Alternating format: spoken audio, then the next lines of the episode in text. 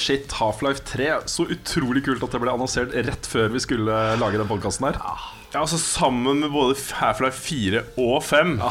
i 4D. Åh, Jesus Christ Ja, med Oculus Shift. Yes. Ja, Det blir bra. ass Jeg gleder meg så sykt til den der presseturen på månen. Ja, Det blir fett. Det blir, det blir bra. Altså April snarr, der lurte vi dere både på langs og på tvers. Internett. Det er beste aprilsnaren vi Ja, har jeg tror det faktisk er den beste. Ja. Det er ingen sånn altså, Den der Zelda-filmen til IGN for noen år siden kan ikke måle seg. Lurte vi dere til Nei, eh, velkommen til en ny episode av Level Backup. Med meg har jeg som vanlig Rune Fjell Olsen og Lars Håkon Stormbakken. Og mitt navn er Karl Martin Oksnes. Skal vi bare fyre på? Vi fyrer på. Er det et ord? Eller et uttrykk? Fyre på. Ja, det er Kjøre på eller eh, fyre løs? Det. Det er ikke så vanskelig å forstå hva du mener. Nei, vi fyrer på. Vi fyrer på.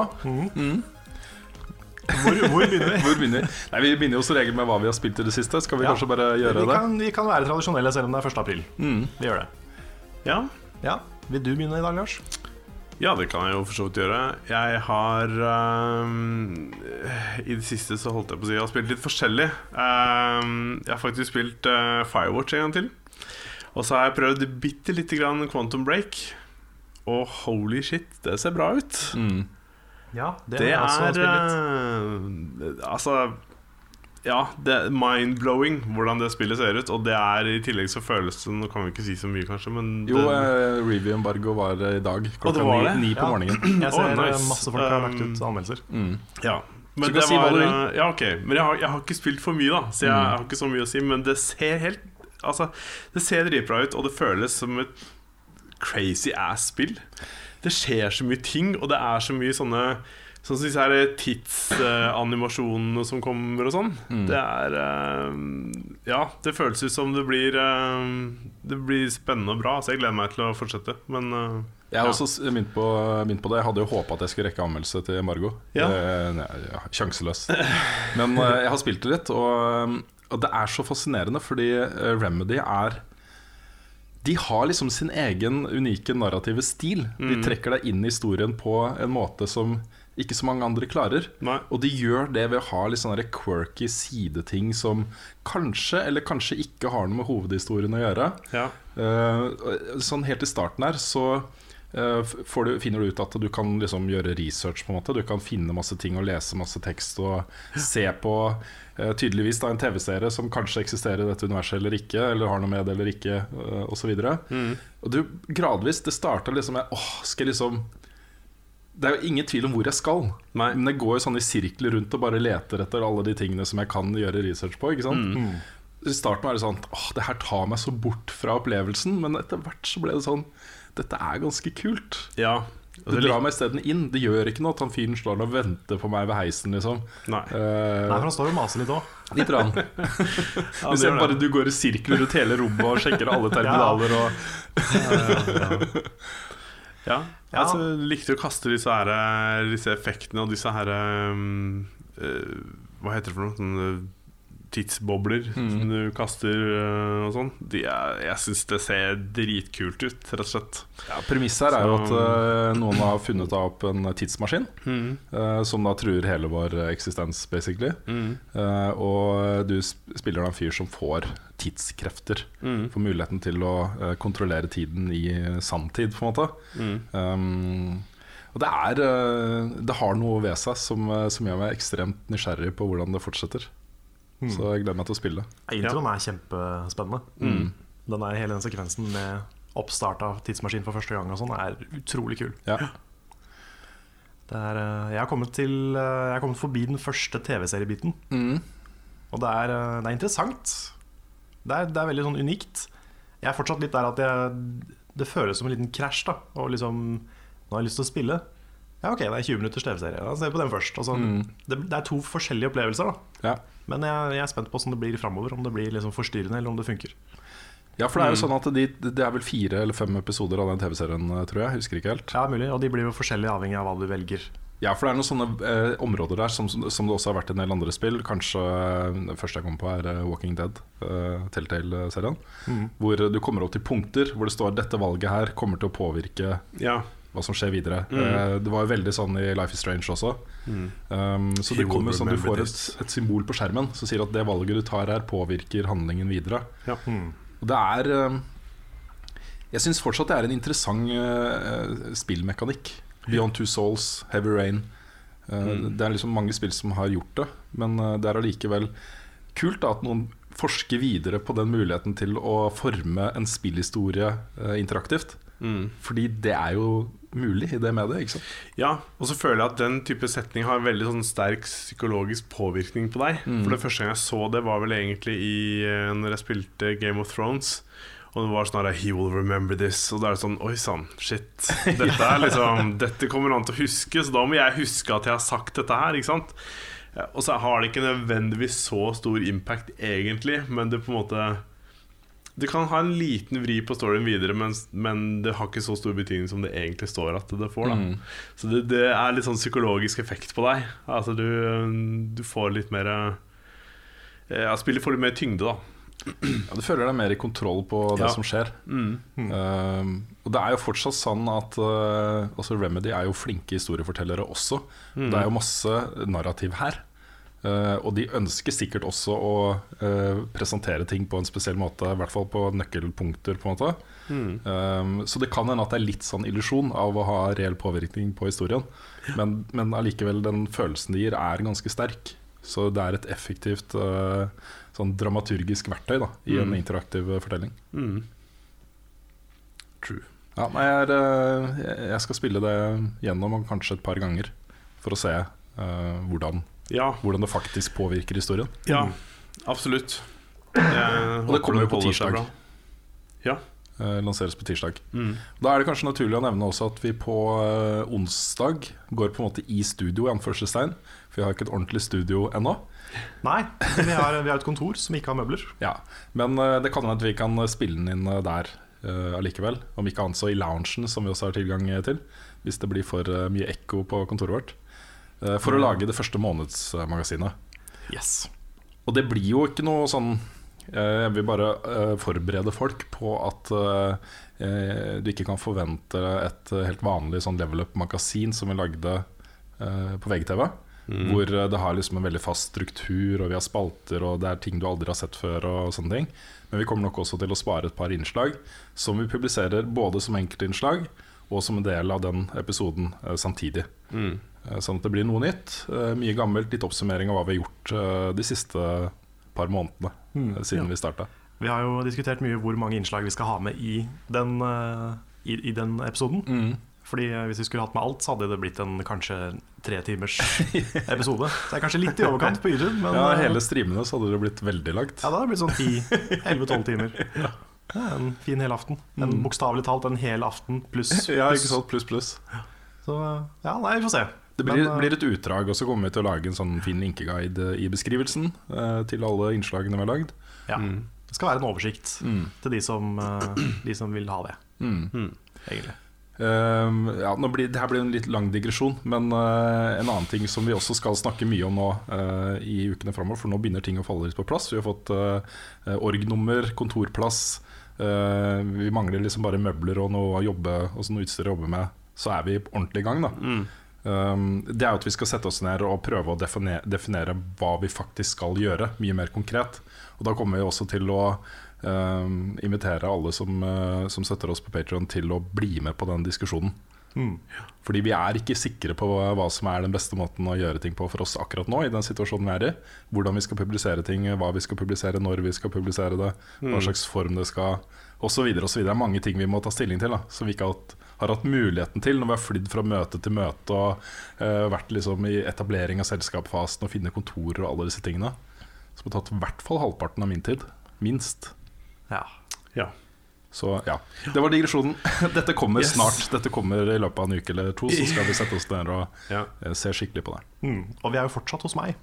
Fortsatt hos Ja, deg, Karl. og det er jo eh, litt også pga. det kontoret som ikke har ting i seg ennå. Mm. Så nå er det jo bare et kjempestort uh, ekkokammer, bokstavelig talt. Ja. Så um, Til og med verre enn her.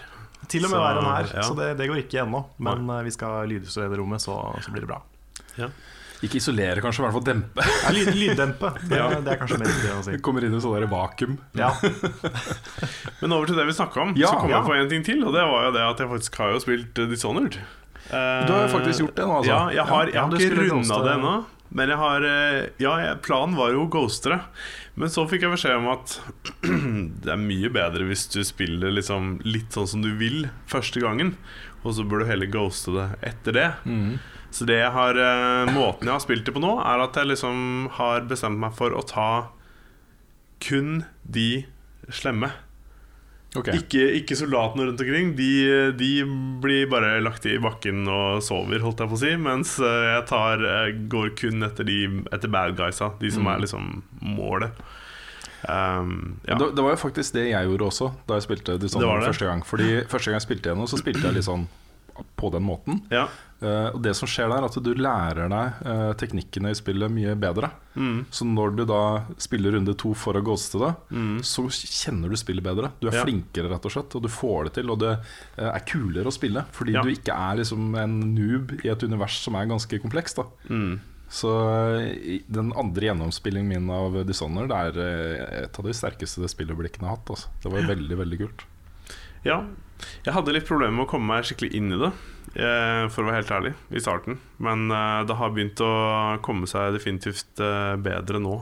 Det, men jeg likte, jeg likte Jeg likte veldig godt plottet, selv om jeg syns det var litt vel Det var litt vel sånn derre Hallo, hvorfor bare anklage og ikke spørre? Altså, det er sånn Går det an å fortelle hva som skjer i starten? Det er ikke noe krise, det. Nei da, det Ja, nei, for det, det som skjer er jo at hun eh, Empress Altså hun blir drept Og av noen sånne shadow-menn Som jeg egentlig ikke helt var, skjønte hva er for noe Og så blir jo han som har vært liksom Vokteren eller uh, Hva heter det for noe? Livvakt. Ja, livvakten Han blir jo bare beskyldt med en gang For liksom å Ja, men Han blir jo framed, ikke sant? Han blir ja. framed Ja, men Han som er beskylder så- han, er jo skurken.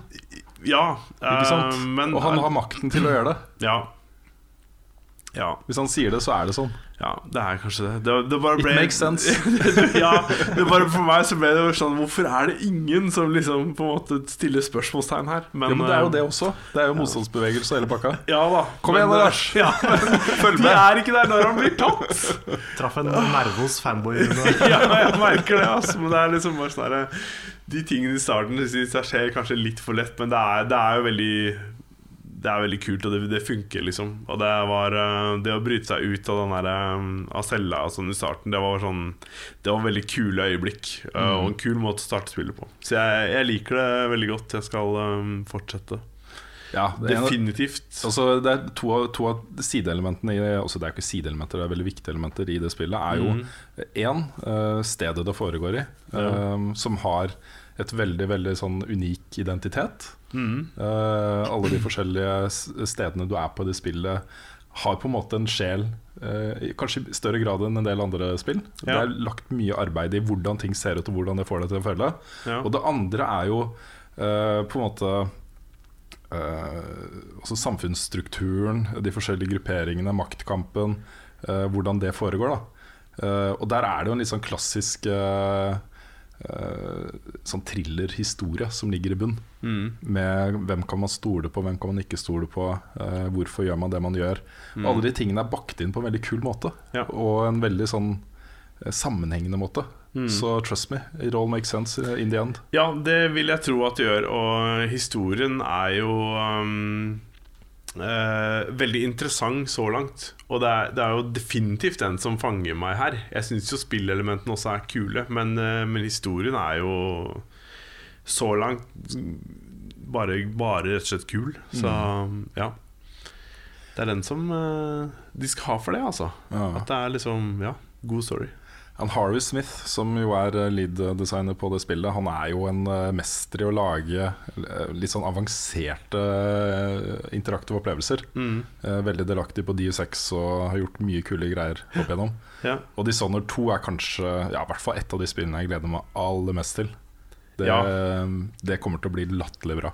Ja, og det er jo grunnen til at jeg spiller Dishonored. Fordi at jeg liksom Jeg har lyst til å spille den Spille toeren. Ja. Cara Ellison, som, har, eh, som var tidligere spillkritiker, eh, hun definerte, definerte seg ikke som journalist. Hun var akkurat på et Fritt Ord-arrangement på onsdag, Ja. som jeg bare fikk med meg tre kvarter av. Ca. en time før jeg måtte løpe hit på livestream. Ja. Men hun jo, har jo vært involvert. Eh, Hun jobba sammen med Arcane et par måneder på dialog og, og, og skrive liksom, tekster som skulle vises i spillet, og en del sånne ting. Det var interessant, altså.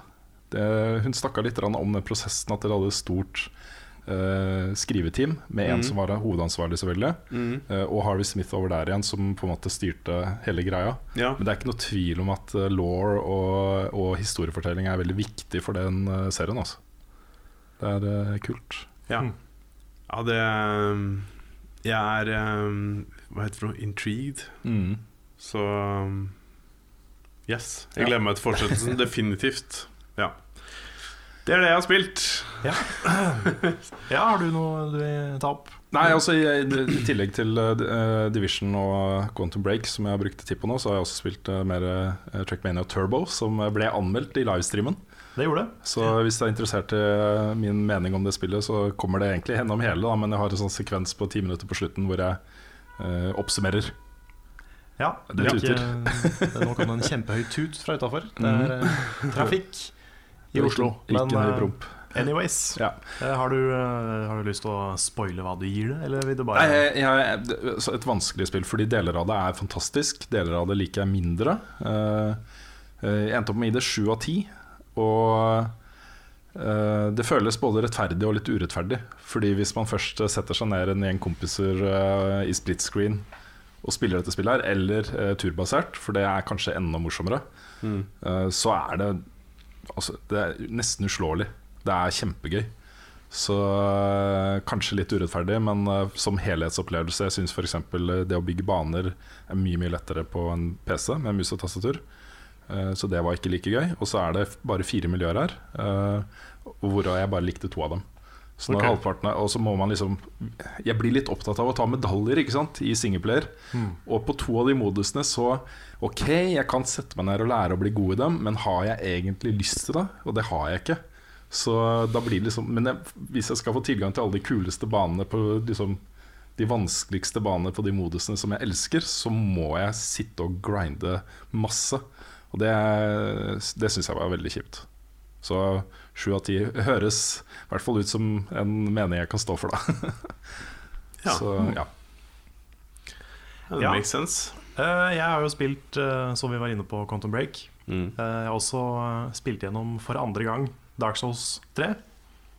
Og det er litt sånn apropos det du sa om Eller det dere sa om Dishonored, at andre gjennomspilling er veldig gøy. Så er jo andre gjennomspilling av et Soul-spill Det er jo bare en sånn lang victory lap. hvor du bare Du, du kan jo alt. Ja. Du, du kjenner til fiendene, du vet hvor de er, du vet Mm. hvor du finner de bra tinga. Så det er bare en sånn lang feiring av at du har blitt god. Så det er kjempegøy. Ja. Så det jeg sitter og koser meg med. Ble ferdig i natt med playthrough nummer to. Tøft. Nice. Um, I tillegg så har jeg spilt en demon som ble sluppet i onsdag natt fra Final Fantasy 15. Mm. Det kommer en video, det vil si det har vel kommet en video når denne podkasten kommer ut. På YouTube, hvor eh, jeg spiller gjennom den. Mm. Og eh, det er jo spennende å få prøve noe fra det spillet. Mm. Jeg har ikke spilt den første demoen som kom. Jeg er ikke egentlig så veldig glad i demoer. Sånn før lansering. Jeg vil gjerne spille den når det kommer. på en måte Ja. Men uh, dette her var en demo som ikke er med i spillet. da Pluss at du, du unlocker en, en ting i hovedspillet hvis du spiller demoen.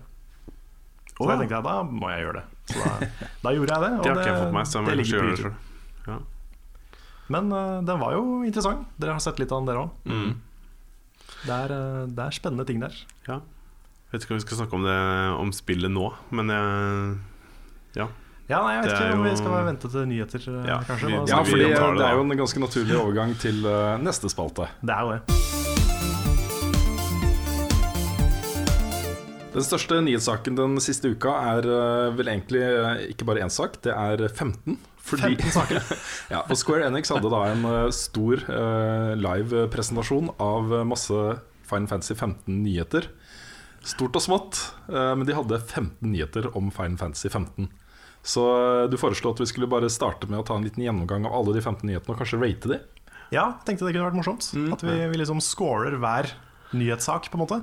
Ja, for det er vel kanskje ikke noe tvil om at de har gravd litt dypt i bøtta for å finne 15 saker. Ja, det er fordi det er Final Fantasy 15. Det er samme tall, det er kult. Mm, Ikke det bare høres kult ut. Ja. Seemed like a good idea at the time. De gjorde jo det. Ja. ja. Jeg kan jo først si litt om eh, selve den eventen. Du har sett en del av den, eh, Lars? Yes, Har du sett sett ja. den? Rune? Nei, jeg så den ikke. Nei. Det, er, eh, det var jo med Kind of Funny folka. Det var Greg Miller og han jeg husker ikke hva han andre heter. Nei, Jeg husker heller ikke navnet hans, men um, ja. Mill Gregor. Hæ? Mill Gregor. Er det det? Ja, nå, tok den. Ja. Nå tok jeg den, tok litt tid. Er det det? Det er litt tidlig på morgenen for meg fortsatt. Ja, mm, Eh, Og så var det han der fyren som, eh, som eh, er stemmen til Lee, Walking Dead, ja, blant annet. Han var der, ja. og var en litt sånn overstyrer når, de, når det var digresjoner. Ja, Ja, i hvert fall han tok skulle liksom være det var, jo, det var jo manus, men Ja. det var jo Yes. eh, Så de var jo entusiaster, mens eh, Square Enix-folka var litt sånn i bakgrunnen, da. Ja. Eh, ja, det var jo det var et spesielt event. Syns det kanskje var litt kleint, men det var eh, Til det, litt kleint. Det var gøy. Jeg liker samtidig Greg Miller ganske godt, Ja. men, eh, men ja, det var veldig sånn Noen ganger så virka det som de var oppriktig gira, noen ganger så virka det som de var gira for å få penger. Ja. På en måte Så det, er jo, det blir jo sånn når man skal være superentusiastisk på scenen. Og, Ja, altså Når man har liksom innøvd dette her på forhånd For det er jo, var jo ikke mye der som var spontant. Så det er på en måte da, Jeg vil jo tro at det ville være vanskelig for dem å være liksom 100% genuint ekte. da Ja. Men jeg, jeg, jeg syns de fortjener litt cred for at de tulla med at uh, veldig mye av det ble lekka på forhånd. Ja, Det var litt gøy. Det er at de faktisk faktisk sant. tok tak i det og liksom tulla Ja. med det. ja True. For den siste store, eller en av de siste store kunngjøringene var jo eh, lanseringsdatoen. Yes. Og den hadde jo lekka på forhånd. Ja. Og det tulla de mye med på scenen. det var en sånn stor knapp, og det var kjempeopplegg. Men de Ja. kjørte, de kjørte jo det opplegget selv Ja, ja, om det hadde lekka. Ja, det er. Så det, det, det, er- var litt morsomt. Kjør nyhetene. Vi kjører Yes. nyhetene. Nyhet nummer én. Nyhet nummer én. Hironobu Sakaguchi, the creator of the Final Fantasy Nå leser jeg det. det, Ja, det er er, greit. altså, skaperen av Final Fantasy. Um, Dukka opp aller først på scenen. Ja. Og eh, kom med en liten, liten kommentar, en liten melding, Mm. om å få Final Fantasy tilbake på rett kjør. Det var nyhet nummer én. Det var nummer én. Ok, greit. Og for meg som Final Fantasy-fan så var det litt stort. da Ja, jeg skjønner. Ja. For han er jo Han har ikke vært involvert nesten i det hele tatt siden Final Fantasy 10, Mm. og starta sitt eget selskap. Uh, mye forskjellig. Så det å se han i Final Fantasy-sammenhengen, det var, det var gøy. Mm. Da ble jeg litt glad. Da ble jeg litt fan. Ja. Og litt sånn det, det var en litt sånn selvtillitsboost da, for, Ja. den, eh, for hele Final Fantasy 15. Ja, jeg har jo ikke den erfaringa med Final Fantasy i det hele tatt, men det var sånn jeg forsto på folk at det her var veldig stort. Så jeg, uten å spoile de andre nyhetene, så vil jeg si at kanskje det der var den største eller Den beste av de. Uh, Ja, den er skal høyt oppe for meg, i hvert fall. ja, ikke sant? Ja. Så um, ja. Jeg gir den åtte av ti. Ja. Åtte av ti. ja. Ja, jeg kan gå med på den. Ja. Av ti. Eh, skal vi se. Nummer to. En ny trailer for Final Fantasy 15. Mm. Så merkelig. Ja, det ingen kunne forutse. Nei, altså det er sånn Det så jo bra ut, men hva skal man gi Hva skal man rate det, liksom? Seks av ti. Ja. Ja, nei, det var en trailer. Det var en kul trailer. ja da, det var jo ikke noe gærent med det, men det er sånn Det var ikke noen banebrytende nyhet. Nei, det var mye jubling når Sjokoboen kom. Ja, det det- er sant. det også er- Og den kunne Hva heter det for noe? Drifte? Ja, det kan drifte. Det var fett. Det er fett. Du kan løpe fort. Og det var, Ja. det var en bra, bra versjon av sjokobord. Ja, jeg er enig i det. Til og med jeg ble gira. Men eh, nei, det ser, jo, det ser jo pent ut, og det ser bra ut. Så det, Ja. det har det alltid gjort. Ja. Så eh, ja, vi gir det en sånn, sånn lunken seks. Ja, Som nyhet, da. Vi retter ikke traileren. Vi retter nei, traileren var kul, Ja, men, men ja. nyhetssaken er Ja. ja. Um, nummer tre var at uh, en ny sånn stor en, en stort, hva skal man kalle det, maleri fra han uh, kjente Final Fantasy-artisten Yoshitaka Amano, Ja. som hadde blitt 3D-animert. Ja. Så de, de hadde laga en sånn 3D-animert uh, logo-type ting. da Så var, den var jo tøff.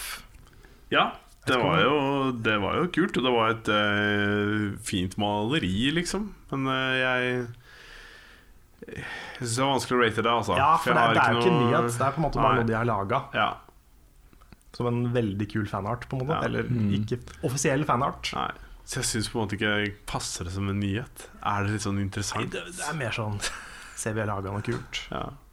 Hva tror du? Nei, altså jeg, jeg, jeg kjenner liksom at jeg gleder meg til at vi skal snakke om noe annet, Fordi jeg er ikke så inne i Final Fantasy-serien. Nei, Så jeg vet liksom ikke hvor stor nyhet det er. Nei Nei, altså, jeg, jeg, jeg syns ikke det er en nyhet. Det, er, det var en morsom ting å vise. Ja. Veldig fin ting. To av ti. Men, eh, ja, to, som nyhet to av ti. Ja. Eh, nummer fire. Florence pluss The Machine gjør et Stand By Me-cover til uh, spillet. Det er Florence and the Machine. Ja. Ja, det, sto, det sto Florence pluss Ja. The Machine. Men Ja, det men er det er det bandet, bandet heter. ja. Men man sier Florence and. Florence and The Machine. Ja. Hva er det de gjorde? Uh, Stand By Me. Å ja. Det var jo det at det er, Det er, sånn- en ganske, det er en ganske stor nyhet. Jeg har også sett uh, at uh, Florence har, uh, har kommentert det etterpå. Ja. Og hun snakker jo mye om betydningen av spillmusikk. Og Yes. Dette er jo et veldig sånn cred-band. Veldig populært cred-band. Oh, ja, definitivt. Og det at de gjør noe for Fine Fantasy, det er en Jeg syns det er en ganske kul nyhet. Altså. Ja, For henne så var jo det hun forklarte at dette var en verden som hun ikke hadde vært engasjert i, eller hadde, hadde Som var helt ny for henne plutselig. Og så var det bare sånn Å, tenk om musikken min kunne vært en del av dette her, liksom. Og så, så hun var oppriktig genuint interessert og øh, fanget av det her, da. Så det, det var veldig kult. Og den sangen er jo Den er jo fin. Ja da. Og jeg Så- ble jeg er spent på uh, sp- Spilte de den? Ja, Ja, det gjorde det? Ja, Okay, og det var, det var en veldig fin cover. Ja. Det syns jeg. For jeg er, jeg er ikke superfan av Florence and the Machine, men jeg liker det. Det er sånn, Ja. uh, Jeg, jeg syns det er bra. Hun viste veldig godt engasjement, hun. Så Jeg gir den en åtte av ti. ja. Ja. Jeg, gir den, øh, jeg ville kanskje gitt den sånn sju. Men, Ja, for du er, du er mer opptatt av den derre um, orkestersymfoni... Ja, litt, men komponert. samtidig så Det er jo det første, det er første gang Final Fantasy har valgt en såpass etablert sang som Mm. main theme. De har ofte en egen sang som er kanskje litt sånn eh, Ja. Eh, japansk ballade-inspirert. Mm. Men eh, Nei, det var Ja. interessant. Jeg syns det var dritkult, og så digga jeg coveret av den. Den var veldig eh, annerledes. Mm. Og ja. Så good. Yes. Yes, Neste nyhet er uh, nye gameplay-videoer ble vist. Altså litt sånn demonstrasjoner av Sjokobo, demonstrasjoner Ja. av Combat. Sånne ting. Ja, Det syns jeg er kult. At de ikke bare viser uh, veldig sånne CGI-baserte ting og pre-rendera ting og ting som er veldig regissert, men at det Mm. er uh, faktisk gameplay. At man kan få en følelse av hvordan det blir å spille det. Ja. Det, det gjorde Den sekvensen der gjorde meg interessert. Uh, jeg har aldri hatt interesse for Final Fantasy før, men dette her ser faktisk kult ut. Jeg, det er gjenkjennbart for meg i forhold til andre spill. Jeg har aldri vært så veldig sånn turbasert spillmenneske. Så dette her er et spill jeg har, eh, har faktisk lyst til å spille. Det, jeg ble oppriktig gira. Mm. Så- dette er også et spill som fans har venta på i ti år. Ja. Mm. Det ble annonsert på E3 tror jeg 2006. Ja, det var, eh, var det, Jeg tror det var det. Og det var det du sa i stad òg. Så ja, 2006. Så det Ja. Det er jo, det er jo lurt å vise litt ferdig gameplay Mm. for, for første gang på lenge. Ja. Så ja, hva gir vi den? Nei, det er en åtte av ti på gameplay. Ja. 8 av 10? Ja. Ja. Ja. Neste er en, Det var en demonstrasjon av Var det Verden verden, ja. Ja. Av ja, områder i spillet. Ja. Litt sånn fine rendra panninger av, uh, av ting. Mm. ja. Ja. Altså det, det, det ga meg veldig lite, Ja, eh, Det må er jeg jo, si. det er jo Men- pent, men jeg vet ikke hva mer Ja. det går an å si om det. Nei. Jeg tenker litt sånn om uh, den type ting er ganske viktig for meg. Jeg husker også Ja. en av de tingene som jeg likte best før Destiny ble lansert, Ja. var hvor de hadde en video som bare var sånn panninger av om områder i spillet. Og den der følelsen av at hit skal jeg, her skal jeg være, her skal jeg liksom, denne verden skal jeg befinne meg i. Det er ganske viktig for meg. da Ja. Så uh, jeg vet ikke om det er en, som en kjempestor nyhet, men uh, allikevel uh, så er det på en måte en viktig del av uh, Fine Fantasy. At det skal være en, liksom, en vakker verden som du har lyst til å befinne deg i. Det ting. så jo kjempebra ut.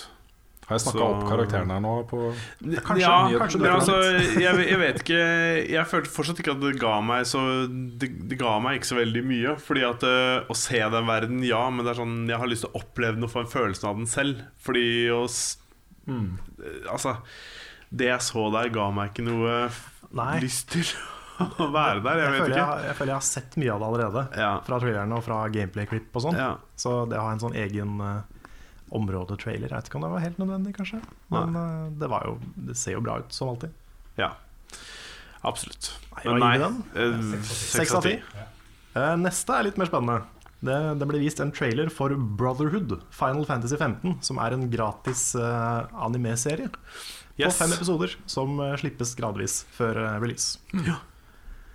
Så det er en, altså det, det er en type bakgrunnshistorie da, Mm. for eh, de fire menna som er hovedperson Mm. i, i spillet. Hvordan de blir kjent sånne ting. Jeg syns dette er interessant. Jeg Mm. synes dette er på en måte det at uh, flere medier uh, brukes i den måten, sier litt om hvordan uh, også spill flyter over andre medier. Og at det er muligheter her til å lage et mer omfattende univers som øh, folk kan bruke mer tid på å sette seg inn i og engasjere seg i. Ja. Mm. Jeg syns også det virka litt uh, kult, og hadde lyst til å se de. Og det var liksom sånn Når jeg fikk høre at det var fem episoder, så er det sånn Ok, det er overkommelig for meg. Ja, Jeg, det er ikke eh, 100, liksom. Nei. Så um, Ja, Ja. sant. Og første er jo tilgjengelig nå, så jeg har, jeg har ikke rekker å se den, men jeg har, jeg har lyst. Så jeg gir den en eh, ni av ti, kanskje. Syns den fortjener mye. ja, det er jeg helt enig i. Det var en bra Ja, nyhet. kanskje. Rundt der. Jeg kommer Ja. nok ikke til å se den. Nei. Eh, men neste er kanskje vel så spennende. Nemlig Kings Glaive, Final Fantasy 15, en full CG-film. Annonsert eh, til jeg tror det var til noen streamingtjenester. Jeg tror ikke de sa hvilke, om det var Netflix eller hva det var. Ah, nei, det har ikke jeg fått på meg. Men det, er, eh, det blir i hvert fall Hulu. Ja, kanskje. det blir i hvert fall lansert digitalt. Mm. Ja. Og skal være en litt sånn type kanskje Advent Children-film, da. Mm. Som er helt CG. Og som skuespillere så har de fått inn blant annet eh, Er det Lina Headey de heter? Hun som spiller Cersei i Game of Thrones. ja. De har fått med Sean Dean. Og de har fått med han som spiller Jesse i Breaking Bad. Mm. Da vet vi hvem som dør, i hvert fall. Jeg vet i hvert fall hvem som Ja, dør. så det er jo no spoiler der. Så ja. da Men syns du det var det interessant for deg? Du som er liksom Syns du det var en kul nyhet? Ja. eh, nå syns jeg fortsatt at Square Enix har til gode å lage en god film. Ja. Jeg syns jo både Spirits Within og Advent Children var eh, ganske labre filmer. Men jeg vet ikke. Det er jo en sidehistorie til eh, spillet. Så det er jo worldbuilding og sånne ting. Jeg forventer meg ikke så veldig mye av den filmen. Nei. Og det er fordi uh, når det gjelder spillhistorier, så føler jeg at man ofte tilgir mye fordi man er delaktig i det. At man, altså Interaktiviteten og gameplay gjør at man ser litt gjennom fingrene gjennom uh, huller i plott og Mm. litt svake dialog, svak dialog og eh, litt sånn laber historiefortelling. ja. Og jeg er ikke helt sikker på om, eh, om teamet er liksom flinke nok til å lage en, en skikkelig film. Da, en, en, et narrativ som er på høyde med de beste animasjonsfilmene. Ja. Det, Mm. det tviler jeg på. Ja. For det er noe på- annet. Ja, Du jeg, krever mer av det, historiemessig. mm. Jeg syns det, er mange- det er mange flinke manusforfattere i Square Enix. Men uh, jeg syns Final Fantasy 13-teamet ikke er så flinke. Nå er det heldigvis ikke de som lager dette her, men uh, Nei, jeg vet ikke. Jeg har ikke noe forhold til han som, eller de som er regissører og sånn. Jeg klarer ikke å plassere hva de har gjort før, da. Mm. Men uh, ja, Sakaguchi er jo kongen av i hvert fall figurutvikling og sånne ting, da, for Mm. min del. Og han er jo ikke med. Så jeg er spent på å se. Jeg har ikke så høye forventninger, men det er, det er jo en fanservice også. Ja da. Man kan ikke bare se det som noe som skal gå ut og konkurrere mot eh, Pixar og Disney og sånne ting. Nei, det er nok en ganske liten lansering. Mm. Jeg tror ikke de kommer til å gjøre det til noe stort. Den kommer ikke på kino, f.eks. Nei. Så nei, jeg vet ikke. Skal vi gi den en eh, sju-åtte? Jeg er nede på seks. du er det? Ja, jeg er det, altså. Ja. Men nå er ikke jeg noe Fine Fantasy. eh, Nei, du er nerd, ikke helt i målgruppa. Nei, jeg er ikke helt i målgruppa. Ja, nei, jeg vet ikke. Jeg Ja, var jeg syns sånn heller ikke det var sånn Jeg kommer til å se sånn amazing nyhet, men uh, Nei, Nei som, som annonsering syns jeg det var, en, det var en spennende nyhet. Mm. ja. Uavhengig av hvordan filmen blir, kanskje. Men uh, Ja. jeg vil gi den en- i hvert fall en sju. Ja, kanskje Ja. det er pga. navnene som de har fått med seg. Ja.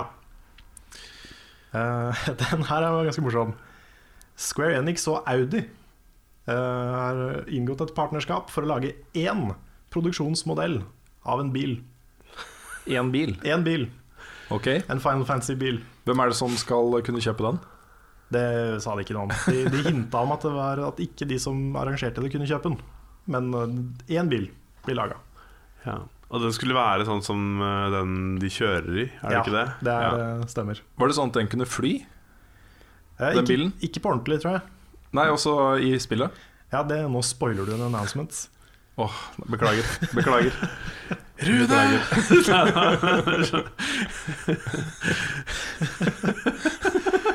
Ja, nei, men eh, ja, det, det er riktig. Så kan du beepe ut i, kan beepe ut i post Ja, hva jeg sier. det er, eh, nei, Ja, det, det, er, det er greit at vi går litt ut av eh, rekkefølge. Ok, greit. Men, men ja, hva gir vi, hva gir vi Audi-partnerskapet? Det der er jo bare PRI på. Ja, ja, ja. Én av ti. Bare fluff. Fluff. Men vi kan jo ta nyhet nummer 15, for det var nemlig den siste nyheten. Det var at bilen kan fly. Nettopp. Riktig. Så ja, er det en femmer? Um, jeg vet Altså, når ikke. de- Det er mer, mer et, et, uh, bullet point i en pressemelding, egentlig. Ja. Eh, Forresten, bilen kan fly. Ja, det, altså å ha det som punkt nummer 15 er litt sånn herre Ok, det er greit. Ja, det er liksom Jeg føler det kunne vært nesten hva som helst, da. Ja, jeg, Nå har jo Final Fantasy en eh, historie med airships som en sånn eh, fremkomstmiddel. Og det at eh, bilen er the airship, er jo en morsom detalj, men det er jo ikke en stor nyhet. Nei. Vi går videre. Vi går videre. Um, du, du, du, ja, her er jeg altså skippa, fordi Voicecast er en egen uh, Egen nyhet, så det har jeg gått gjennom. Oh, ja, okay, så greit. Så da hopper vi over den. Um, ja, eh, Final Fantasy 15 sitt uh, ikoniske minigame. For alle Final Fantasy-spill har et minigame. Enten det er kortspill eller blitzball eller noe sånt. mm, Uh, minigamet denne gangen heter Justice Monsters 5 mm. og er et pinball RPG-aktig spill, tror jeg. Som også kommer til IOS og telefoner. Ha. Ja, det er sånn flipperspill, er det ikke Ja. det? Sånn, altså De gode gamle maskinene, liksom. Og så mm. kan du møte bosser og liksom Ja. Mye, mye forskjellig. ja. Så det så jo artig ut. Jeg fikk ikke noe inntrykk av hva du skulle gjøre, quote unquote, Nei. I, det, annet enn å spille pinball. Men uh, Det så veldig kult ut. Bare sånn, når ballen fløy rundt, så bare fløy det tall rundt på skjermen på hva, hvor mye skade og sånn det hadde gjort. Mm. Det, eller jeg vet ikke om det var skade, men ja. Det føltes sånn. Ja. Så det var, så kult ut. det gjorde det. Så vidt jeg skjønte, så kan du gå Du kan besøke arkader i spillet Ja. og gå og spille det. Ja. Eller du kan laste det ned på telefonen. Hmm. Så ja. Hva gir vi den? Eh, Seks av ti, kanskje? Seks av ti? Ja. ja. Jeg husker også i uh, eh, Var det Project Gotham Racing-spillene, så kunne du Nå tror jeg jeg blander med noe annet. Hvor du kunne gå og spille Geometry Wars. Var det, var det kanskje Forsa-serien? Ja, Ja. I, I digress. Det, jeg husker ikke. ja. Nei. Ikke vet jeg. Nei, jeg vet ikke. Flere nyheter? Ja, det er, vi er snart ferdig. Det er bare beklager til de som ikke er så interessert i Final Fantasy. Det, er, det har kommet mye i løpet av de siste par dagene. Eh, Dette har vi vært litt innom, men eh, Demon Platinum Demo ble lansert, annonsert og lansert. Ja, det, Samtidig. det digger jeg. Ja, At uh, de bare annonserer det og lanserer det. Mm. Det har vi sett en del av også på etere de siste par årene. Hvor de har kommet med en announcement, og så sier de And you can play it now. Det er litt kult, da. det er det. At Det er, ikke en, du det er liksom- en fin ting at ikke man bygger masse hype til noe som ikke finnes ennå. For en sann ting så er det veldig veldig ålreit. Ja. For da kan man liksom bare gå fra sånn til event som dette her, og da er du, har du sett de to timene eller hvor mye det var, så er du fan, liksom. Du, har, du er interessert i denne verden. Og det at du kunne gå fra den streamen rett over til å spille demoen de har snakka om, er en veldig kul ting. Mm. Og det jeg også liker, det husker jeg ikke om jeg sa i stad, men eh, det er jo det at eh, den demoen her ikke er en del av sjølve spillet. Det er jo en eh, original ting som de har laga og lagt ut. Som eh, Ja, som ikke bare er en chunk av spillet som kommer, da. Mm. Det er en egen eh, separat ting. Det er faktisk litt kult. Introduserer deg til spill og univers og, og sånt, Mm. og det, det liker jeg. Mm. Men nå er jo en demo av sånn type spill som Finance uh, Finance Fantasy Fantasy. Fantasy Fantasy. Fantasy Fantasy. Eh, det er det det heter, er det ikke det? Ja, Jo, er. Fantasy Ja, Fans. Fantasy Det er jo ikke noen eh, god indikator på spillopplevelsen totalt. Fordi mye av gleden i den type spill er jo å la liksom hele den greia synke innover deg over tid. Eh, at du gradvis blir mer og mer investert i historien og rollefiguren og Mm. eh, alt du kan finne og alt du kan oppdage og sånne ting. Så dette er mer en sånn teaser på hvordan, eh, hvordan eh, gameplayet vil bli. Jeg har forstått det riktig. Ja. Jeg har en teaser på gameplay, på holdt på å si visuell stil, setting, Ja. sånne ting. Ja. Kampsystem. Mm. Ja. Og det, det gjorde jo den jobben, syns jeg. Mm. Jeg vil også gi det en ekstra karakter, fordi den Carbuncle-figuren er veldig veldig søt. Okay. Så jeg er oppe på ni der. Ja, jeg også ville gi det en eh, ni av ti. Ja. Mm. Som en nyhetsannouncement. Ja. Og jeg lasta jo det ned med, med en gang. Så jeg blir gira. Neste er eh, Det vil komme to Collectors Editions. En Deluxe Edition og en Ultimate Edition. Er det sant? Ja, Kødder du? det jeg kødder ikke. Det er ikke en aprilsnarr. Er det ikke en aprilsnarr? Kommer det, er. kommer det ekstra versjoner av det spillet som du kan betale ekstra for å få ekstra ting fra? Det gjør det. Gjør det det? Ja, Er det- Hold deg er- fast nå- i puta, Rune. Ok, nå må du slutte å tulle med meg. Nå flyr du til himmels. Jeg vet ikke om jeg klarer mer. Jeg. Nei, Det Nei. blir for mye. jeg, jeg, jeg føler et litt sånn hint av sarkasme her. Jeg vet ikke om, jeg vet ikke om det er riktig. Nei, det syns jeg ikke. Nei. Nei, altså det er, jo, det er jo Collectors Edition som har f.eks. et soundtrack. Du får, eh, du får en diskversjon, en Blu-ray-versjon av filmen Mm. på den ene av de. En eh, sånn Play Arts actionfigur. Mm. Eh, Litt sånn forskjellige stæsj. Det er jo kult for de som vil bruke penger på det. Altså Hvis du sitter og ser den streamen jeg fikk jo lyst på det som Final Fantasy-fan. Ikke sant, men det er det jeg mener Hvis du sitter og ser på streamen Du ser på announcementen, du er Fine Fantasy-fan, Så vil du gjerne vite hva du For du har du allerede begynt å spare ikke sant? Lagt Mm. av penger til å kjøpe Collectors Edition Eller Special Edition, kanskje begge Fordi du vil ha alt, ikke sant? Du er fan De vil jo vite hva som kommer i en sånn pakke Mm. Ja. Så det er ikke, jeg overdrev kanskje litt Men det er ikke liksom helt meningsløst Men det er jo ikke veldig overraskende At det kommer Special Nei. Editions Men var det noe forskjell på selve spillet? Var det ikke bare ekstra ting du kunne få ved siden av? Jeg Tror ikke det var noe, eh, noe DLC som var eksklusivt. Nei, fordi det var jo noe annet de annonserte der også. Nå husker jeg ikke hva det sa her. Hvor de liksom tulla med at dette er ganske dyrt, og så sier de bare nei, det er completely free. Du trenger ikke å pre-ordre noe. Nå husker jeg ikke hva det var for noe. Det var noen DLC-greier, det òg. Eller et eller annet sånt som Det kunne er, legges til. det er mulig det var demoen du tenker på det. Ja, ja for de tulla med at, kanskje at, at demoen kom til å være dyr. Og så bare nei da, den er gratis. Og var det det de tulla med? Ja. Ja. For at det, på, det var liksom mot slutten, så jeg så liksom ikke hele Jeg fikk ikke sett alt uh, riktig der. Så var det derfor jeg ble litt sånn Å ja, så kult. Her annonserer de noe som er gratis, så du ikke trenger å pre-order eller noen ting for å spille. Så ja, ok. Ja, men da Ja, Never det var, det var demoen. Ja. Um, men en ting som er, som er et poeng, da, det er at det faktisk er en limited edition. For det er bare 30 000 eksemplarer som eh, blir laga Mm. av den ultimate pakka. Den kommer til å bli dyr Det gjør den på eBay. på eBay Den kommer til å koste mye penger Altså. Det er en viss fare for det. Mm. Og så siste announcement, siden vi tok, eh, vi tok den flyvende bilen tidlig, så er eh, aller siste announcement at Final Fantasy 15 lanseres 30.9. Det også er jo dritkult At det kom en faktisk dato Mm. Ja, det er det mange som har venta på i mm. et halvt liv. Ja, Så definitivt. Et halvt kort liv kanskje men Ja, Ja, de- de det var eh, de som er 20, de I hvert fall et, et eh, i hvert fall et tiår. Så ja. Hvis du er 20 og Final Fantasy-fan, så har du Ja. et halvt liv. Det var kjempefint at det kom en dato. Eh, nå er jo eh, tingene sånn i spillenes verden at eh, en spillanseringsdato er aldri 100% hamra inn i steinen, liksom. Den Nei. kan endre seg. Mm. Kan det. Eh, men eh, det er greit å ha et mål. Ja. Noe, en, en faktisk dato å se fram mot. Ja. Mm. Så det var fint. Ja. Yes. Og så var det fint at det var allerede i september. Ja. Hvis Ja. de hadde annonsert lanseringsdatoen som liksom 13. mars 2017, Mm. så hadde ikke det vært like kult. Nei, Nei. da kunne de bare venta med det hele. Men da kunne de utsatt hele det showet her. Ja. Ja. Altså da, Det hadde ikke vært noe poeng. Det, det trilla jo opp til november først, og så bare i, Og så gikk det ned til september, liksom. Så det var jo Som også var morsomt, fordi da hadde leka på forhånd. Nettopp. Så det er sånn her, De bygger spenning til noe som alle, alle allerede vet. Yes. Men ja, det var showet. Alt i alt, eh, du som er eh, vår resident uh, Final Fantasy Geek. ja, Ja. Er du fornøyd? Jeg syns det var en kul presentasjon. Mm. Jeg, eh, jeg syns det var Jeg fikk mer um, tro på Final Fantasy 15 etter å ha sett den. Og jeg synes de, selv om det var noen litt sånne gimmicky, eh, teite annonseringer, så var det mye bra også. Mm. Jeg følte de viste fram mye kult. Og eh, ja, jeg gleder meg. Så jeg var fornøyd. Jeg satt jo oppe, Det begynte klokka fire om natta. Jeg satt og så det live. og følte det var verdt det, selv om jeg fucka døgnrytmen igjen. Mm. Så ja, jeg er fornøyd. Bra. Kan vi få lov til å snakke om andre ting nå?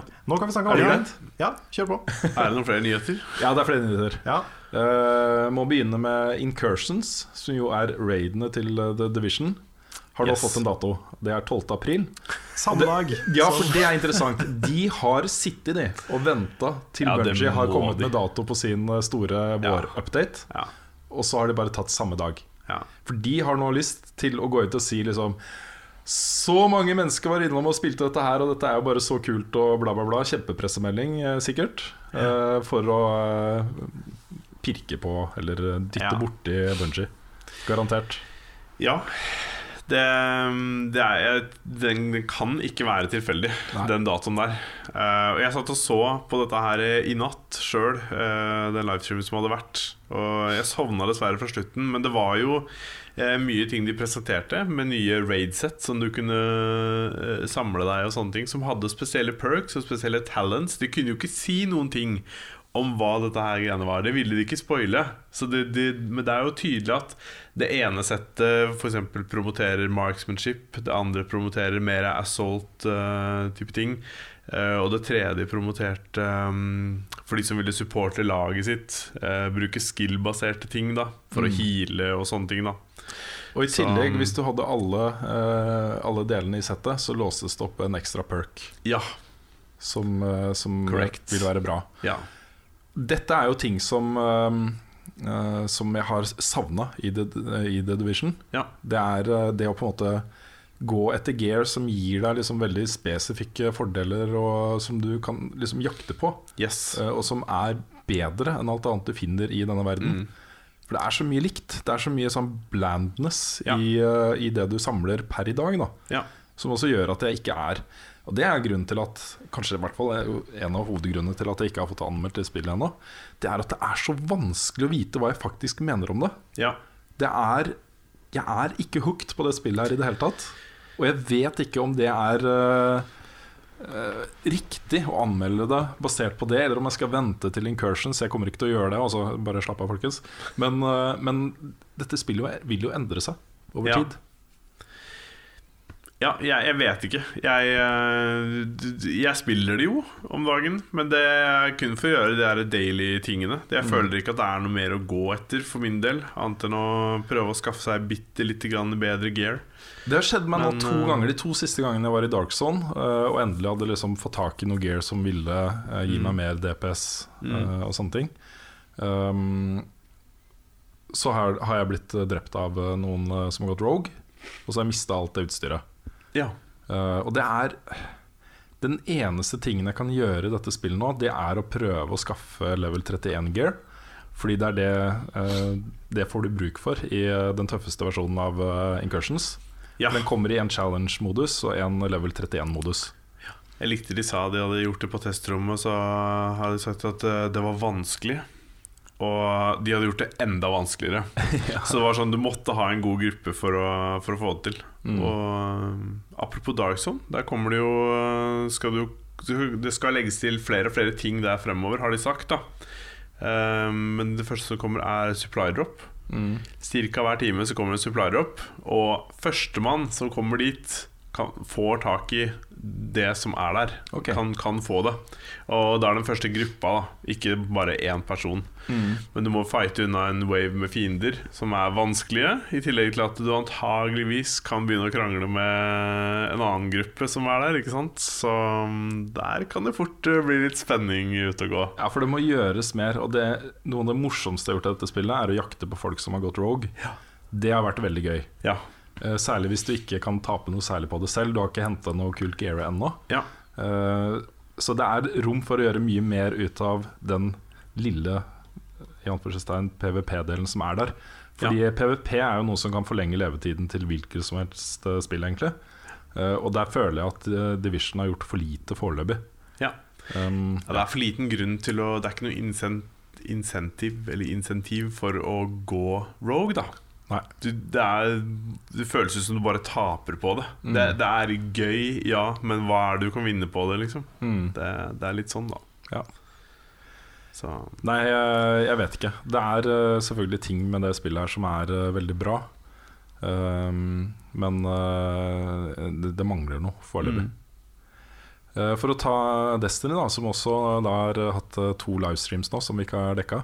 mm. Uh, der kommer det jo um, en oppdatert Prison of Elders, som jo er sånn waves med fiender, hvor du blir Du får score da, basert på hvor kreativ du er når du kjemper. Så da tipper jeg at det vil handle om en kombinasjon av bruk av supere og granater og melee-ferdigheter og Mm. det å ta ned fiender med headshots og gir sikkert mer poeng enn andre ting Mm. så videre. Eh, pluss da et nytt uh, gearset. Uh, to nye gearset og masse nye emotes. Det er ikke liksom Jeg er ikke blåst av banen av det de kommer med. Nei. Uh, jeg kommer nok til å følge med, fordi eh, det er jo eh, 16 forskjellige utfordringer. Det endrer seg hver uke i eh, nye Prison Prison of Elders. Og det vil jo si at du har liksom 16 uker med innhold hvis det treffer. Ja. Ikke sant? Det er det ikke sikkert det gjør. Nei, det Jeg er jo ikke sikkert. drittlei av Prison of Elders etter Ja. to uker, liksom. Jeg er veldig spent sjøl. For min del så er det sånn Ja, det var kult å se alle de nye tingene og disse her uh, Year One exoticene som kommer tilbake, men uh, det var ingenting som gjorde meg sånn Yes, dette skal jeg spille. Nei, Nei vi, vi var jo innom Destiny her dagen. Ja. Spilte første raidet sammen med Bjørn og Svendsen. Ja, Det. Vi dro gjennom det for første gang. Mm. Og det var jo kjempegøy. Jeg syns jo Destiny er kjempegøy. Men jeg, jeg må ha mer enn det altså, for at jeg skal gidde å spille det regelmessig igjen. Ja, Mye det, mer det, må, det må mer innhold til. Eh, sikkert kult å spille det nye Strike og sånne ting, men det blir jo fort Du blir fort ferdig med det, da. Mm. Det er liksom ikke noe evigvarende. Ja, det er jo en halvtime, det, så har du spilt det. Jeg, det eh, jeg liker litt eh, det forholdet jeg har til Destiny akkurat nå, for jeg spiller det jo eh, mye mindre enn jeg gjorde før. Mm. Jeg spiller de tingene som fortsatt jeg syns er gøy, og det er stort sett PVP-ting. Ja. Jeg kommer også til å spille disse tingene her og ehm, se om jeg liker det. Men det er greit å ha et litt sånn avslappa forhold til det, for nå vet jeg at det skjer ikke noe stort med det spillet her før til høsten. Uh, det kommer ingen store innholdsoppdateringer før det, Nei. så er det greit å bruke tid på andre ting. Ja. Men en ting som jeg, som jeg har lyst til å legge til, er jo at uh, dette nye gearet som dropper, og de materialer du trenger for å gi sånn der neon glow til det, det dropper uh, Og våpen. Ja. uh, Taken-våpen.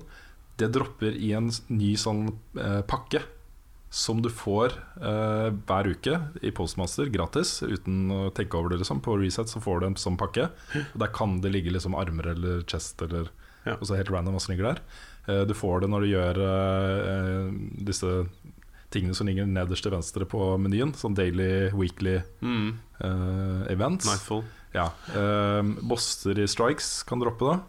Det er mange forskjellige måter å få det på. Mm. Men du kan også kjøpe dem for ekte penger, eller silver, da, hos, uh, hos uh. It begins. Yes. Uh, dette er jo gear som har light level 3, så det må infuses, liksom. Du må få det opp. Det Ja. har ren praktisk verdi. Har, den har ikke noe verdi før du har liksom fått det opp til et høyere level. Nei. Men du kan gå inn og bruke penger på å kjøpe det. Og hvis du bruker nok penger, så får du jo hele det gearet uten å gjøre alle de aktivitetene som du kan få det ved. Ikke sant? Det er eh, ikke bra, altså. Det er ikke Nei. bra. Nei, det er nok ikke det siste vi ser av den type ting. Nei, det er ikke det. Nå har det liksom også, Det er masse annet gear i dette spillet, og mange andre våpen, og du får ikke noen faktiske, eh, konkrete fordeler av å eh, få tak i dette gearet. For du eh, Men da, det er virkelig sånn der Vil de egentlig at du skal spille spillet deres da? Eller vil de bare at du skal gi penger til dem? Er altså, eh, Poenget er vel at de ikke har noen DLC-pakke som de tjener penger på. De må liksom, eh, Økonomien i driften av Destiny eh, tilsier at folk, noen må bruke penger på dette her. Mm. Ellers så eh, får de ikke inn penger. ikke sant? Eh, før DLC-en og før Destiny 2. Ja. Eh, Så det er jo en veldig attraktiv mulighet for folk da til å eh, skaffe seg de tingene man har lyst til å skaffe seg, så man ser litt kulere ut. Mm. Men det er uh... Jeg skjønner at innholdet til det spillet der ikke blir laget på en dag, men jeg syns uh, kanskje de må uh, Altså Lag kule ting, da. så det blir liksom fett å spille.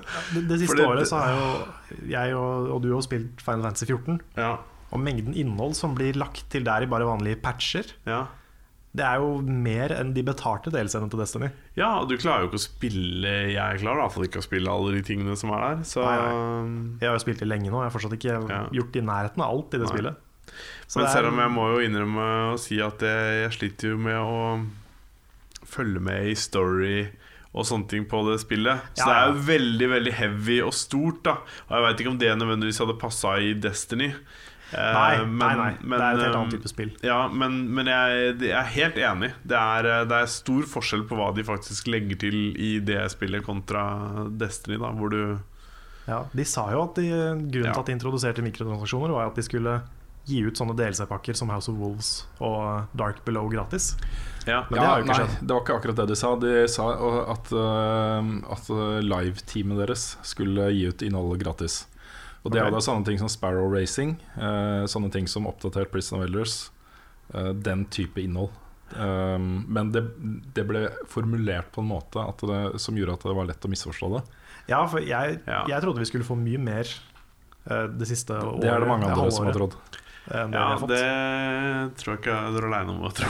Nei, det, Ja, det spillet er litt på life support nå. Og, Ja. og den ene store redeeming faktoren til det spillet er at eh, det fortsatt er i en særklasse på eh, sånne ting som gunplay og våpenfølelse og eh, PVP på konsoll. Skytespill eh, Mm. PVP.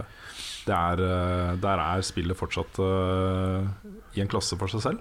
Jeg er helt enig. Jeg syns det er amazing. Ja, ikke sant? Og da er det uh, greit å spille det hvis man liker de tingene. mm, Yes. I agree. Vi kan ta noen bare veldig kjappe saker før vi går videre til spørsmål og svar, kanskje. Det kan være. Um, vi har jo snakka et par ganger om, eh, om eh, disse bildene som har dukka opp av eh, nye NX-en, altså Ja. De er fake. Det var fake, så var- jeg er glad vi tok forbehold når vi snakka om det. At ikke vi bare, bare omfavna det som Sånn blir det. Ja, for Jeg husker vi snakka om også at dette er um, Dette er det verdt å snakke om fordi man har så lyst til å tro på det. Ikke sant? Det Ja. virker så Ja, plausibelt. ak akkurat med NX så er jeg kanskje litt usikker på om jeg hadde lyst til å tro på det. ok, ja. Den var jo ikke kanskje det jeg ser etter i en kontroll i første Ja. Nei, jeg er glad ikke det ble det, altså. For jeg synes Det kan jo godt heller tenkes at det kommer til å se sånn ut, så merk uh... Kan hende. Ja, da Ja. Da vet jeg ikke om jeg skal ha det. Men Nei, jeg, jeg håper den har fysiske knapper. Det, det er i hvert fall en ting jeg håper. Ja. Jeg vil også nevne kjapt at eh, det norske spillet Trackday Manager er eh, ute nå. Eh, Det er jo et managerspill, eh, og det er ikke min eh, sjanger. Eh, Jeg vet egentlig ikke om vi har noen i redaksjonen som manager For dette er- snakker vi om fotball, liksom? Ja, det er snakk om å håndtere statistikk og data, ikke å eh, Ja, okay. gjøre noe annet. Da skal du ha litt interesse for sånt, kanskje. Ja, men, øh, men det er en ganske stor satsing. Og mm. det er dumt å ikke nevne det fordi man ikke har personlig Ja, interesse av sjangeren. Ja. Ja, Ja. det, er synd. det er en uh, ulempe med ikke være i VG lenger. Vi kan ikke rope på fotballfolka til å komme og dekke manager-ting. Så hvis utviklerne av Trackday Manager hører på nå, så neste gang dere skal annonse et spill, så lag sånn 15 nyheter om spillet. Ja, så kan Så vi gå gjennom alle sammen. gå gjennom alle sammen. Så bruker vi i hvert fall en halvtime en av halvtime på på. Ja. på bare det. det siste jeg har lyst til å nevne, er øh, egentlig tips til deg, Karl. Ok, Hvis du har litt ledig tid mens du venter på at Svendsen skal komme seg gjennom Dark Souls. ja, Det kom et spill i går som heter Hyper Light Drifter. ok Uh, som er et sånt uh, pixel eh, dungeon crawler slash eh, Zelda-mix. som ser så amazing ut. Det ser så bra ut, Carl. Ah. Jeg tror det er midt i blinken for deg. Ja, Jeg vil anbefale deg å sjekke det ut. det, det skal jeg se nærmere på. Ja, Det ble lansert i går. eh, og uh, i rekken av liksom veldig interessante indiespill så er dette et av de mest interessante. Det er fulgt en stund nå, og det, er, det ser bare så konge ut. Det ser kjempebra ut. Ja, det er stas. Det er også kommet et annet eh, spill som går for å være et sånn 2D Dark Souls, som heter eh, Salt and Sanctuary. Det også ser veldig bra ut.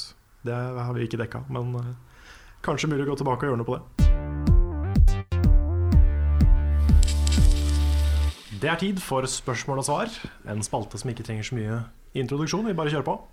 Nei, vi har fått spørsmål, og vi skal svare på dem. Nettopp. Mm. Eh, Denne gangen har vi henta spørsmål fra litt eh, her og der, egentlig. Eh, Det første er fra Simen Meisdal på Facebook-gruppa La Level Up Levele, som er våre gode venner. Stemmer. Um, og Spørsmålet er veldig interessant og, og bra. Jeg tenkte, han skriver da Jeg tenkte å skaffe meg PS4 nå pga. Ratchet Clank og Uncharted 4. Men nå har jeg begynt å høre rykter om PS4,5. Er det verdt å vente med å kjøpe en ny PlayStation til den kommer ut, tror dere? Og når kommer den? Blir Jeg syns det var et sikkert- bra spørsmål. Det var det. Den blir helt sikkert annonsert på E3, vil jeg tippe. Det er jo bare et par måneder til E3. Nå har jo eh, eh, PlayStation VR fått lanseringsdato. Det er i oktober. Så den kommer i hvert fall til det. Ja. Det, er, det ville overraska meg stort hvis den kommer etter, etter det. Mm. For jeg tipper, Vi snakka om det forrige uke også. Jeg tipper det vil komme bundles med PlayStation 4,5 pluss VR. Ja. Ja. ja, for det vil jo ikke gi mening hvis den skal komme i etterkant. Da, for de som har lyst på VR, så må de kjøpe seg den forrige versjonen av PS4, og så skal de da ha seg enda en ny en fordi de Å ja, jeg vil ha 4K, liksom. Det, nei, det går ikke. Nei. Hvis de skal lansere det, så kommer det samtidig. Så, uh, ja, så, så det den eh, gir, er jo mer datakraft. Eh, Den gir uh, muligheten til å kjøre spill i 4K. Uh, og det er også hinta om at VR-spillene til PlayStation 4 vil ha flere muligheter med eh, denne oppgraderte konsollen. ja. Og da tenker jeg at eh, det jeg, jeg tror ikke det går på framerate. Jeg tror den vil være konstant, for den er så viktig for VR-opplevelsen. Men det kan gå på kvaliteten på teksturer og eh, sånne ting, kanskje. Ja. De har vel også sagt at eh, hvis, hvis spillet ikke kjører i hvert fall 60 frames, så kommer det ikke inn på PlayStation Store. I, til VR, mener du? Ja, Ja, nei, fordi det, det må kjøre det. Det må kjøre minst eh, 60 frames, og helst mer enn det også. ja. Skjønner jo veldig, Ja, veldig godt det kommer jo til å du ødelegge- måten, Ja, for det det handler om, er jo å narre hjernen din til å tro at du er eh, på en måte et, et annet sted. Ja. Mm. Og hvis det er lavere framerate, så tror ikke hjernen på det, og så blir du kvalm. Du, Ja. blir, det blir, du føler ubehag, Ja. rett og slett. det er sant. Så, så det, det er viktig. Men uh, det, det man også kan si, er jo at det er jo solgt over 20 millioner Dette snakka vi også litt om forrige gang, men det er jo solgt over 20 millioner eksemplarer av PlayStation 4. Mm. De kommer jo ikke til å ignorere det. Så jeg vil tippe at uh, disse mulighetene som PlayStation 4,5 gir, vil være en sånn bonusting for de som har den. Uh, ikke uh, at det vil komme masse eksklusive spill til dem. Det tror Nei, jeg ikke. altså Det må jo være et grafisk løft Mm. i så fall. Fordi det er, skulle det være at denne nye grafikk- eller GPU-en skulle ha dobbelt så mye kraft som den forrige. Ja. Um, og da Frameraten kan de jo ikke så ofte på. For da kommer folk til å sitte og være sjøsjuke og bilsjuke og ikke orke å spille det. Men også på vanlige spill, som ikke er i VR. Ja, selvfølgelig, men det vil jo være noen som vil skaffe seg VR til sin Mm. For det, det må jo være mulig Det å skaffe skaffe det til den vanlige PS4-en. Så det vil jo være noen som gjør det. Og Mm. de må jo kunne få eh, en god opplevelse. Det eneste du da, som jeg antar at du vil få ut av en PlayStation 4,5, er at teksturene og grafikken vil se bedre ut. Mm. Som, som løfter nivået, rett og slett, på Ja. Ja, Det som er faren her, da, det er jo at eh, folk vil begynne å optimalisere spillene sine til PlayStation 4,5, Mm. og da ikke klare å nedgradere det igjen til PS4. Ja, Mm. det er sant. Sånn som det skjedde jo nylig med Hyrule Warriors på 3DS. Hvor eh, det kjørte helt fint på ny 3DS, men på vanlig så kjører det helt ræva. Mm. Det er vel under 20 frames i sekundet, tror jeg. Så det, hvis det skjer, så er jo det en veldig, veldig kjip ting. Ja, det hadde jo vært helt ødeleggende. Ja, Det så hadde vært utrolig eh, kjipt. det er jo faren med å lansere sånne halvveis oppdaterte Mm. konsoller. Men vi får håpe at ikke det skjer.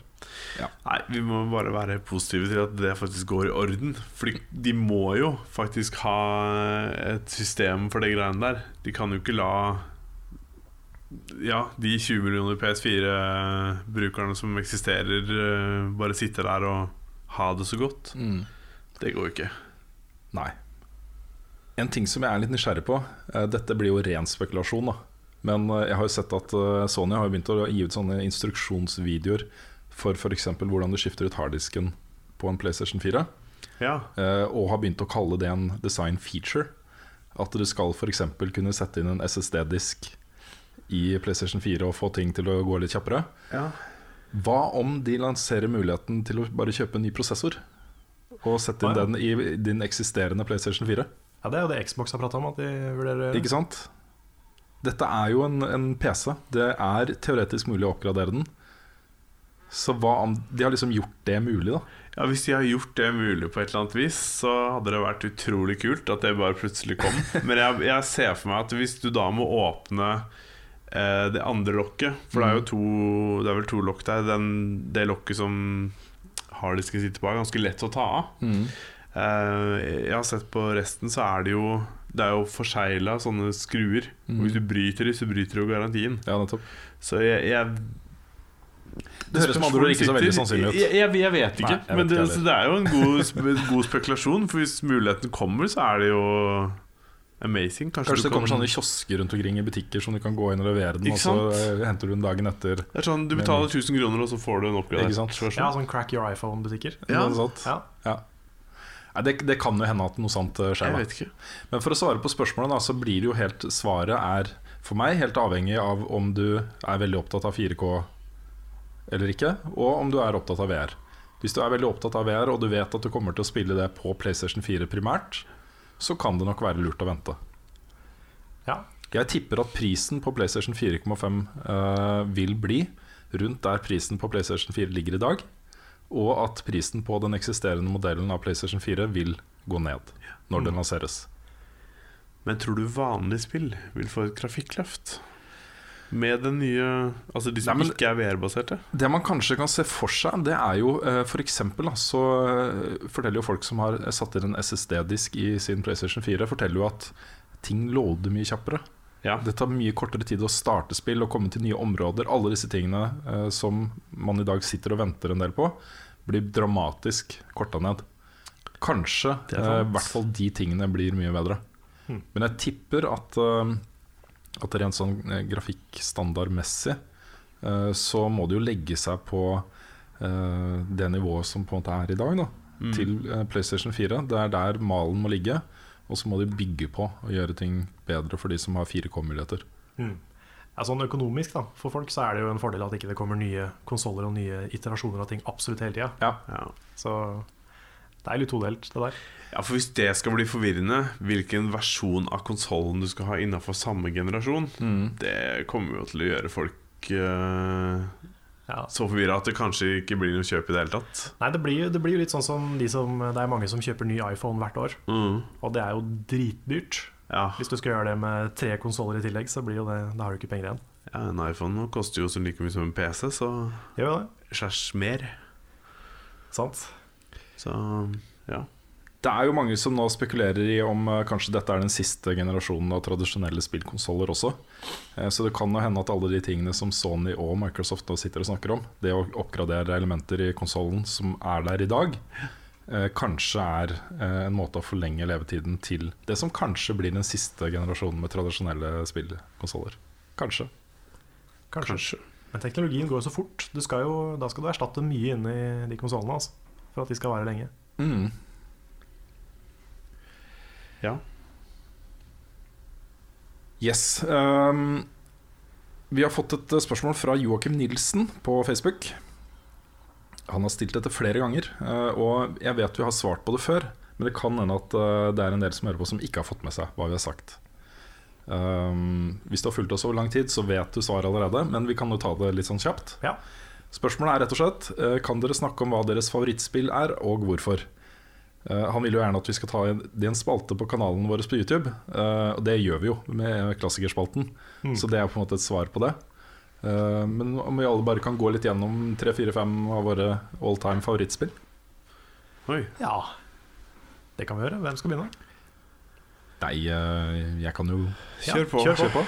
Eh, jeg liker jo primært liksom to ting Det er to ting som definerer meg som gamer. Og Det ene Mm. er, eh, er multiplayer, og det andre er liksom veldig sånn følelsesladede singleplayer-opplevelser. Mm. Så eh, favoritten er liksom litt basert på det. Eh, På den ene siden så har du spill som IK og Shadow of the Colossus, som kanskje regjerer høyest på min liste på, av singleplayer-opplevelser. Men også spill som Metal Gear Solid-serien, um, for eksempel. eh, Half-Life-serien. De er liksom all time favoritter for meg. På multiplayer så er det Quake 3, uh, uh, Trackmania og Destiny. Ja. Uh, jeg må jo si at jeg ligger i samme gate som deg, da. Med, med disse her eh, sterke singleplayer-opplevelsene. Jeg har jo Må jo være mitt all time favorite spill, The Last of Us. Det er så følelsesladd og så variert, og det Så det er eh, definitivt eh, der oppe. Ellers er, har jeg alltid vært glad i uh, multiplayer Call of Duty. Så mm, Jeg tror egentlig det definerer de to viktigste spillene for meg. Ellers så er jeg jeg liker jo variert gaming, rett og slett. Men, men ja. Jeg, Ja. Tror, jeg tror jeg vil svare det, altså. Det er, det er så mange bra spill, så kunne du liste alle, ikke sant? Så det er jo Det er det. Too many games. Ja. Ja, nei, jeg også er jo veldig på den eh, sterke, emosjonelle singleplayer-greia. Mm. Så eh, favorittspill er nok ganske tredelt. Det er jo Final Fantasy 9, uh, Earthbound og Undertale. Og jeg er veldig glad for at jeg fikk et nytt spill i fjor, som var Undertale. Ja. Som har kommet helt opp dit, for det er mange mange år siden. Jeg har følt at jeg har fått et spill som har nådd så høyt, da, Mm. som jeg har blitt så knytta til. Men um, rett under der så ligger jo ting som uh, Portal 2, Krono Trigger, uh, sånne ting. Mm. Mm. I agree. Yes, Vi har fått inn en hel haug med spørsmål fra Patrion-backerne våre. Okay. Um, kan ta noen av de. det kan være.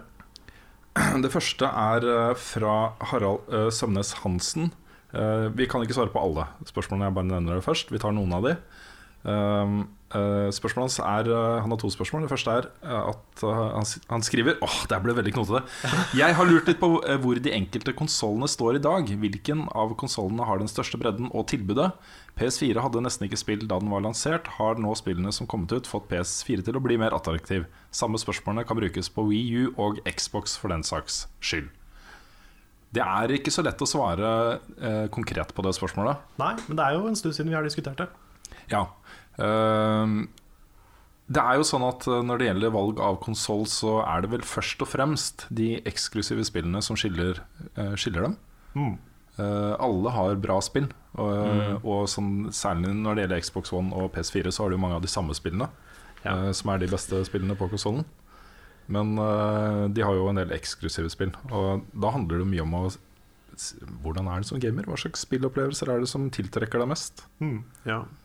Jeg vil jo si at eh, de alle tre har ganske stor bredde nå. Wii U har jo massevis av bra spill, eh, den også. Ja, ja. Wii U er jo den uh, konsollen som har flest eksklusiver. De, de fleste spillene som eh, både er bra og ikke bra på Wii U, er jo ting som bare er på Wii U. Mm. Mm. Så hvis du er Nintendo-fan, så slår du ikke feil med Wii U i det hele tatt. Nei. Og hvis du eh, er fan av litt andre ting, hvis du er fan av eh, kanskje litt den, mer den bredden utover Altså ikke bare Nintendo, så er det jo nesten hipp som happ om du velger eh, Xbox eller PlayStation. Mm. Nå er Ja. jeg personlig kanskje mest fan av de eksklusivene som er på PS4 akkurat nå, pga. Bloodborne og sånne ting. Ja, for jeg skulle si at uh, Jeg syns kanskje PlayStation er de som har gjort det mest riktig i denne generasjonen. Og de ligger jo en, et hestehode foran Xbox der av det. Mm. Og jeg føler jo at det, er det Er det en konsoll du virkelig bør ha, da, så er det den. Jeg ville, jeg ville ha, ha valgt den framfor eh, noe annet. Men eh, samtidig så er det ikke sånn at de skiller seg ekstremt ut. Du vil jo få mange av de samme spillene på en Xbox One og få akkurat den samme spillopplevelsen. Så det er jo de som sier, de eksklusive som skiller. Selv om jeg synes kanskje de er litt flinkere med indiespill og sånn på PlayStation 4. Ja, det, det, jeg, er, eh, jeg, jeg skjønner hva du mener, og det er jo på en måte en personlig mening også. Mm. Um, Ja, Jeg- i jeg syns- jeg syns Xbox One og PS4 er veldig like hverandre. Ja. Og det er liksom små nyanser som gjør at jeg kanskje foretrekker PS4 foran Xbox One akkurat nå. Uh, og det er en sånn liten ting som uh, opptaksmulighetene uh, som du har på den. Hvis du skal ta opp video fra Xbox One, så må du liksom via et sånn recordingstudio eh, på Xbox One. Og så må du, eh, hvis du skal bruke det, så må du laste det opp til, eh, til eh, Hva heter det? OneDrive, er det det heter? Ja. Uh, og hente det derfra. Mm. Jeg har ikke lyst på en egen konto for, for det. det jo det ja, ikke, det får du vel hvis du har en Microsoft-konto. Ja, det det, det er ikke voldsomt avansert. Men, uh, men jeg vil gjerne bare uh, dytte inn en ekstern harddisk jeg, kopiere det over til den og så Ja. ta det opp på PC-en. Det som er fint vet du med den OneDriven, er at hvis du har logget inn på samme konto på PC-en din, så vil den bare dukke opp der. Aha. Uten at du trenger Så å putte noe minnepenn. Kanskje Så- det er mye bedre Ja, jeg tror kanskje egentlig du gjorde overkompliserte det. Fordi da slipper du jo å plugge inn i uh, Ja, En nei, men jeg, jeg er litt enig med Rune at det, det opptakssystemet på PlayStation er lettere å bruke. Sånn i forhold til at du får lengre klipp eh, og sånne Ja. ting også. Ja, du kan sette opp, eh, opp eh, HDR-en på Xbox One til å ta opp 15 minutter der også. Du kan det, ja. Ja, Per default så er det de siste 30 sekundene, tror jeg. Du kan jo f.eks. hvis du har knekt, og det er en ganske kul, eh, kul eh, greie, så kan du si bare Xbox record that. Og så tar den de siste 30 sekundene og lager et eh, videoklipp av det. Og sånn for, eh, for sånn vanlig bruk, da, hvis du bare har lyst til å vise kompisene dine eller legge ut på Facebook et kult klipp fra et spill, så er jo det helt genialt, istedenfor å ta de siste 30 sekundene av et 15 minutter langt eh, klipp. ja. Det er sånn. Det er Ikke sånn. sant? Mm. Eh, Så det ligger noen muligheter der som er ganske kule. Eh, Og så syns jeg også at Xbox One har den beste håndkontrolleren. ja. Ja, der er ikke jeg enig. Jeg syns for- PlayStation 4 er bedre. ja. Jeg, jeg er også enig. Det, der er det jo Det er jo selvfølgelig en personlig preferanse òg. Men det er jo jeg som har rett, da. Ja, Det er som regel Rune som har rett. Det, det kan vi godt eh, gå i en Nei, men diskusjon særlig på. Men, særlig eh, elitekontrolleren. Hvis du blir veldig veldig hardcore opp inni et spill. eh, Det at du har muligheten til å gå ut og kjøpe elitekontrolleren til Xbox One. ja. For den er, den er så Den Ja, den er, den den er smooth. Um, det finnes alternativer du kan kjøpe samme til Ja, da, PS4. ja, og Men vi har et, er, et uh, relatert spørsmål til det, nesten, da, fra Harald, det også. ja. Eh, Det er et spørsmål på siden. Hvilken kontroller er å anbefale for PC? Og da vil jeg si Xbox-kontrolleren. Xbox One-kontrollene fungerer jo default. Ikke sant? Da, da slipper du jo å installere noe. Jeg Mm. bruker PS4-kontrollen fordi det er den jeg er vant til, og sånne ting nå. Nå har vi fått etablert hvem som er Sony-fanboyen i redaksjonen. i hvert fall det skal jeg, ikke, skal jeg ikke nekte for. Men da må du ha et uh, program som heter Input Mapper, Mm. som gjør at den fungerer. Men når du bare har starta det programmet, så fungerer det smertefritt. Mm. Så yes. Ja. Jeg har brukt både PS4-kontrollen og Xbox 360-kontrollen. Jeg har ikke prøvd Xbox One-kontrollen ennå. Men uh, det funker jo. Det er jo stort sett samme Ja. opplegget. Mm. Det er Xbox 360-kontrollen jeg bruker òg, men det er fordi jeg har mye lenge ledning på den. Så, Ja. Og den er fast ledning hele tiden. Du slipper å få til plugge inn den der. Mm. Ja. Jeg også bruker kabla. Og det fungerer som bare det. Altså. Det gjør det. Så Det er det jeg har spilt uh, Ja. de fleste ikke-tastatur og mus-PC-spill med. Men det, er, det blir jo en preferanse. Mm. Altså du kan, du kan bruke både 360, eh, Xbox One og PS4-kontrollen. Du trenger bare et lite Og så kan du gå ut og kjøpe et, eh, Så- en dedikert PC og kontroller fra Logitech eller Madcats eller eh, noen av de. Ja. Mm. ja. Det er også mye bra der. Ja. Men Det er kan, det. kan jeg stille et oppfølgingsspørsmål? Ja, det må være Er det lov? Ja. Ja. Hva er den beste kontrollen ever? Oi, Mm. Det var Til. PC-spilling eller generelt? Bare? Alt. Ja, alt. Uansett. Ja. Det var et vanskelig spørsmål. Jeg har liksom et uh, veldig sånn nostalgisk eh, glød for GameCube-kontroller. det jeg skulle si, ja. Ja. Ja. Men, uh, men det er ikke den beste. Syns du ikke det? Nei, for den, den har det, det å komme til liksom de tilleggsknappene er litt knotete. Hvis du skal uh, eh, ha mange funksjoner i et spill, så er det lettere å komme til flere knapper på de nyere kontrollerne. For de er mer laga for det. Det var ikke så mange funksjoner i spill på den tiden som krevde liksom alle de knappene som er med liksom alt mulig Ja. rart. Nei, nei, det er for så vidt Det er kanskje et par knapper som mangler, ja. Du har jo tre skulderknapper istedenfor fire. I hvert fall. Mm. Men eh, ja, jeg syns fortsatt den, altså, den, er, den er så utro Den sitter så bra i hendene. Ja, det er der gropa gropa på den triggerknappen er uh... Ja, ja, ja. Det er bare støpt for hender. Den er dritbra. mm. Det er det samme på mus, egentlig. Fordi eh, en av de første gamingmusene som kom, det var uh, Wingman fra Logitech. Som jo hadde Den hadde bare tre knapper. Men den var liksom så utrolig perfekt for hånda mi. Og det hadde sånne groper da på de tre knappene. ikke sant? Uh, den hadde ikke noe hjul eller noen sideknapper eller noen ting. Nei. Men sånn rent kontrollmessig å bruke den var bare helt insane. Og det har aldri kommet noen mus etterpå som har uh, passa bedre i hånda mi. Nei. Og ser at det kommer liksom glisende smygende. Ja. Nei, altså, jeg vet ikke hva du sikter til. Nei, jeg fikk sånn, jeg sånn flashback til da jeg jobba på elektrobutikk og kom kunder inn og jeg skal ha billig mus. Det er alltid like morsomt. Ja, det er ikke, det er ikke alltid like morsomt. Av og til er det like morsomt. Men det har litt også med, med hendene dine. Eh, fordi hvis du har eh, Altså i forhold til hvilken kontroll som fungerer bra Har du små hender, så har jeg hatt venner som har hatt store problemer med spesielt Xbox-kontrollen. Eh, men også eh, PS3 og PS4. Men jeg har ikke brukt GameCube så mye. For meg så er de stikkene litt for små. Så jeg har problemer med at liksom fingrene mine blir for store til de, til de stikkene. Så jeg føler at de bare glir av, og at jeg liksom Ja. Lars har veldig store hender. Ja, kanskje. Jeg, vet ikke. jeg har ikke små hender. jeg, vet ikke. Nei, jeg vet det er ingen av oss som har små hender. Nei. Uh, vi går videre. Uh, Martin Rotmo har ikke et spørsmål, men mer en kommentar. Ja. Jeg er gamer, men ikke så mye inne i online-spill og ord og uttrykk som stammer derfra. Det hadde derfor vært fint for min del uh, at dere kan forklare kort hva ord og uttrykk som dere ofte bruker, er.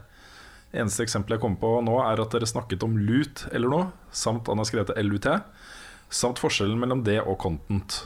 Trenger ikke en avhandling, men en enkel forklaring på hva det er. Ja, det er jo Jeg synes det er et godt poeng. Det er et godt poeng, Ja. for vi, vi snakker jo rett fra levra ofte når vi sitter her. Ja. Og det er fort gjort å slenge rundt uttrykk som kanskje ikke alle har oversikt over. Det er mange av de uttrykkene som er på en måte etablert i dagligtalen hvis du spiller den typen spill, og som man ikke tenker så mye over at det kan være forvirrende for noen. Vi kan jo ta begynne med lut. da Ja, Det er jo engelsk uh, for eh, belønninger. Altså, uh, ja altså Skatt eh, hva, hva skal, Hvordan skal vi oversette det? Det er når du har f.eks. nedkjempa en boss, og så kommer det en pakke på bakken etter den Mm. bossen. Ja. Og så Der ligger det et, en ny uh, rustningarm, f.eks. Det er lut. Eller Ja. et nytt våpen. Eller, Eller, eller en skattkiste i et RPG-spill. Liksom. Det, Ja. det er lut. lut, ja. Når du finner en belønning i spillverdenen som du kan ta med deg. Det er lut. Mm. Uh, andre vanlige uttrykk er jo PVP, f.eks. eksempel Det er eh, for øvrig oversatt uh, til norsk tyvegods. Tyvegods, ja. Så ja. Det, det er bra. Å, dette var bra tyvegods. Ja, Det kunne vet ganske det er et ord jeg kommer til å kjempe for å få inn i gamingspråket. Ja, men det, det brukes jo fordi det er, det er bare Det er jo det man bruker. Lut. Ja. Uansett, liksom. Ja, det er jo det. Men det er jo riktig mm, Jeg vil si at det er jo belønningen du får da for å kjempe nedkjempe en fiende i et spill. Mm. Mm. Så Det går fort å skrive det i chatten. LOOT, så er det ferdig. ja. Eh, de andre, to andre store uttrykk er jo PVP og PVE. Mm. Eh, PVP er jo eh, player versus player. Spiller mot Mm. spiller. PVE Mm. er player versus environment. Spiller Yes. mot uh, spillverden. Riktig. ja. Um, Altså det, det er jo mange sånne uttrykk som man bruker som man eh, kanskje ikke Det er ikke så lett å komme på alle. Jeg, jeg kom på en nå, og det var at jeg, jeg, jeg spurte liksom uh, Jeg spurte bare Har du nades? Og det var det bare Hva? Hæ? Hva mener du nades? Ja, det betyr grenades, altså forkortelse for granater, da. ja, snart så blir det bare har det Ja, ikke sant? Ja. Men det er jo Det er med, det er til og med folk som, som eh, forkorter diamant i Minecraft til dia. Ja, men det er eh, Hvor mange dia har du funnet? Har du Ja, men det dia? er jo ja. Jeg vet, Hvorfor skjer det der? Det er jo fordi at det er lettere, kortere, enklere å si. Jeg tror, Altså det er fordi folk skrive. Jeg tror, jeg tror det er fordi folk skriver det Ja, i chatten. At Mm. eh, de vil ha noe så kort som mulig. ja. mm, ja, ikke sant? Og da blir det tatt over til, eh, til språket, liksom. mm. Så um, Ja, det er, eh, Jo mer jeg tenker over det, jo Ja. mer er det etablert inn. GG betyr good game. Ja. Ja. Mm. Men endgame, for eksempel. Jeg, forstår alle hva endgame Endgame, content ja. Det er jo det du har å gjøre etter at du har spilt ferdig. Etter å ha kommet til Hovedspillet, level altså, capen. Ja, jeg tror du har kommet til, høyeste level etter du har spilt Høyeste gjennom nivå. historien. Level Ja. capsen det er den capen du tar på deg på huet Ja, når du har kommet til høyeste level. Um, Da får du en caps i Da får du en cap som du kan sette på hodet. Uh, Nei, også vet du hva Jeg, jeg- foreslår at vi går litt videre, men dette er en idé for oss til å kunne kanskje gjøre en uh, sånn instruksjonsvideo ja. på ord og uttrykk, uh, gaming-ord og uttrykk, som eh, brukes mye. Det kan være. Litt sånn eh, 'Det er boka mi', som Åpen post hadde. Ja. At vi går gjennom liksom ordbok med sånn ordlyd ja, ja, ja. som står på sida. Mm. Litt sånn Men, eh, pronunciation manual-aktig eh, kanskje òg. Kunne Ja. vært eh, funny. Jeg Han, han nevnte content, og det er jo egentlig bare vi som ikke sier innhold. Ja, det er bare vi som ikke sier Ja. innhold. Ja, Det er, eh, det er helt sant. Så eh, Det er er så lett å bruke. rett.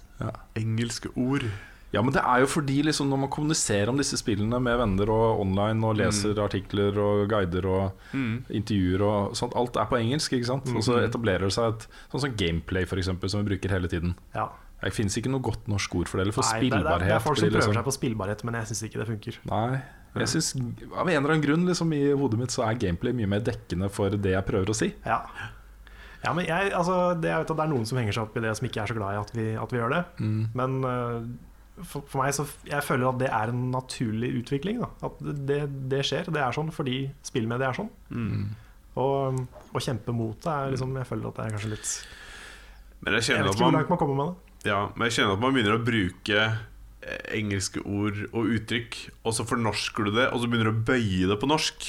Så at du sier Nok Nå har jeg ikke noen gode eksempler, men du tar liksom et engelsk verb og så eh, et substantiv, og så plutselig har du bøyd det på norsk, liksom. Det blir jo veldig spesielt. Mm. Det er liksom som når man sier 'kidsa'. Ja.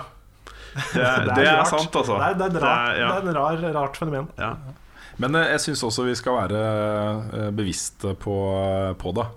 Vi, eh, språk er viktig. ja. Mm. Mm. Men språk er også i utvikling.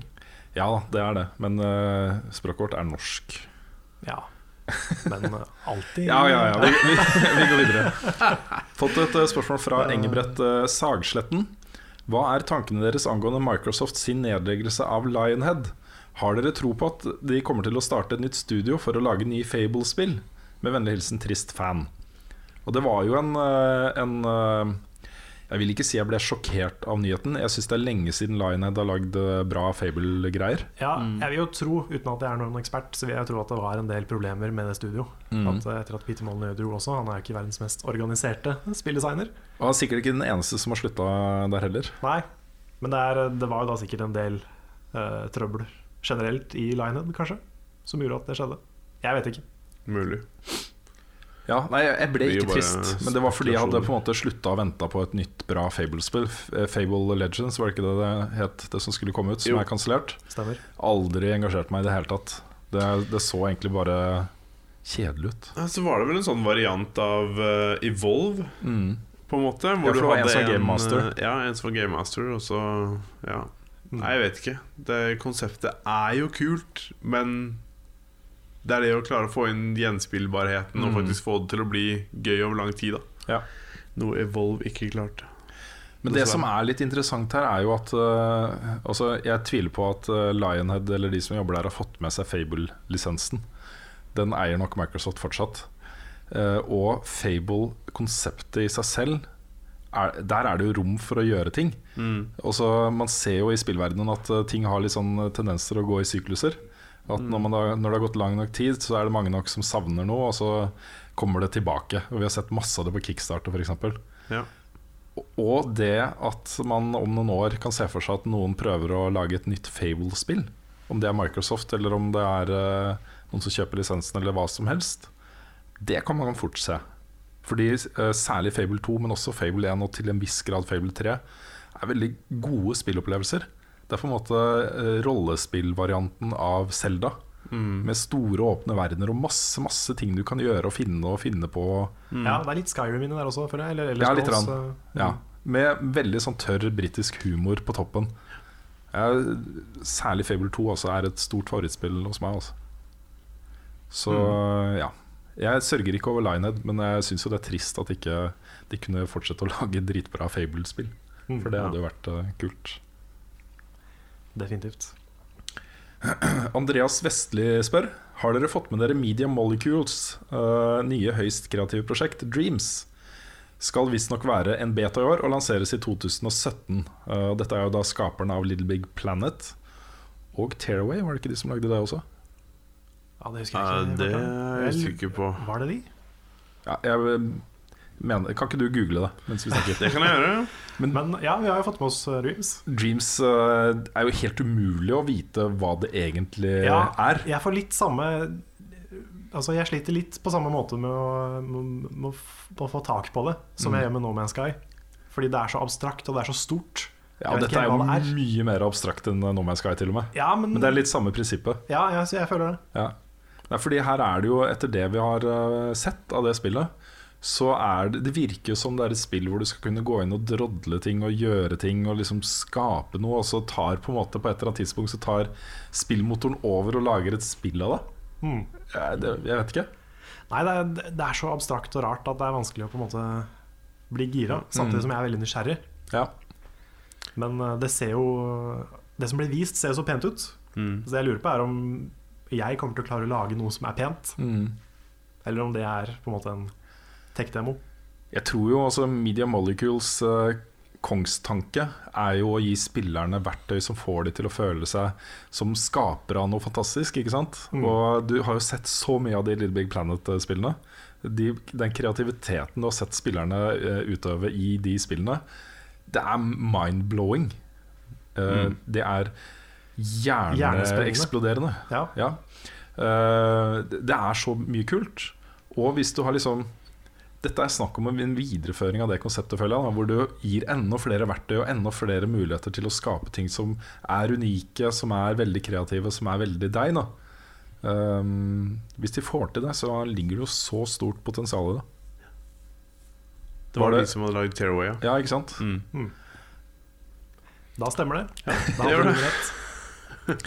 Fact-checked. Som vanlig Nei. Jeg tar det feil av og til også. Men uh, det er vanskelig å vite om jeg gleder meg til det eller ikke. Jeg vet ikke. Nei. Men jeg er Nei. veldig spent, altså. Veldig, Ja, veldig spent. spent føler jeg er uh, Ja. nøkkelordet her. Er, eh, jeg vil vite mer.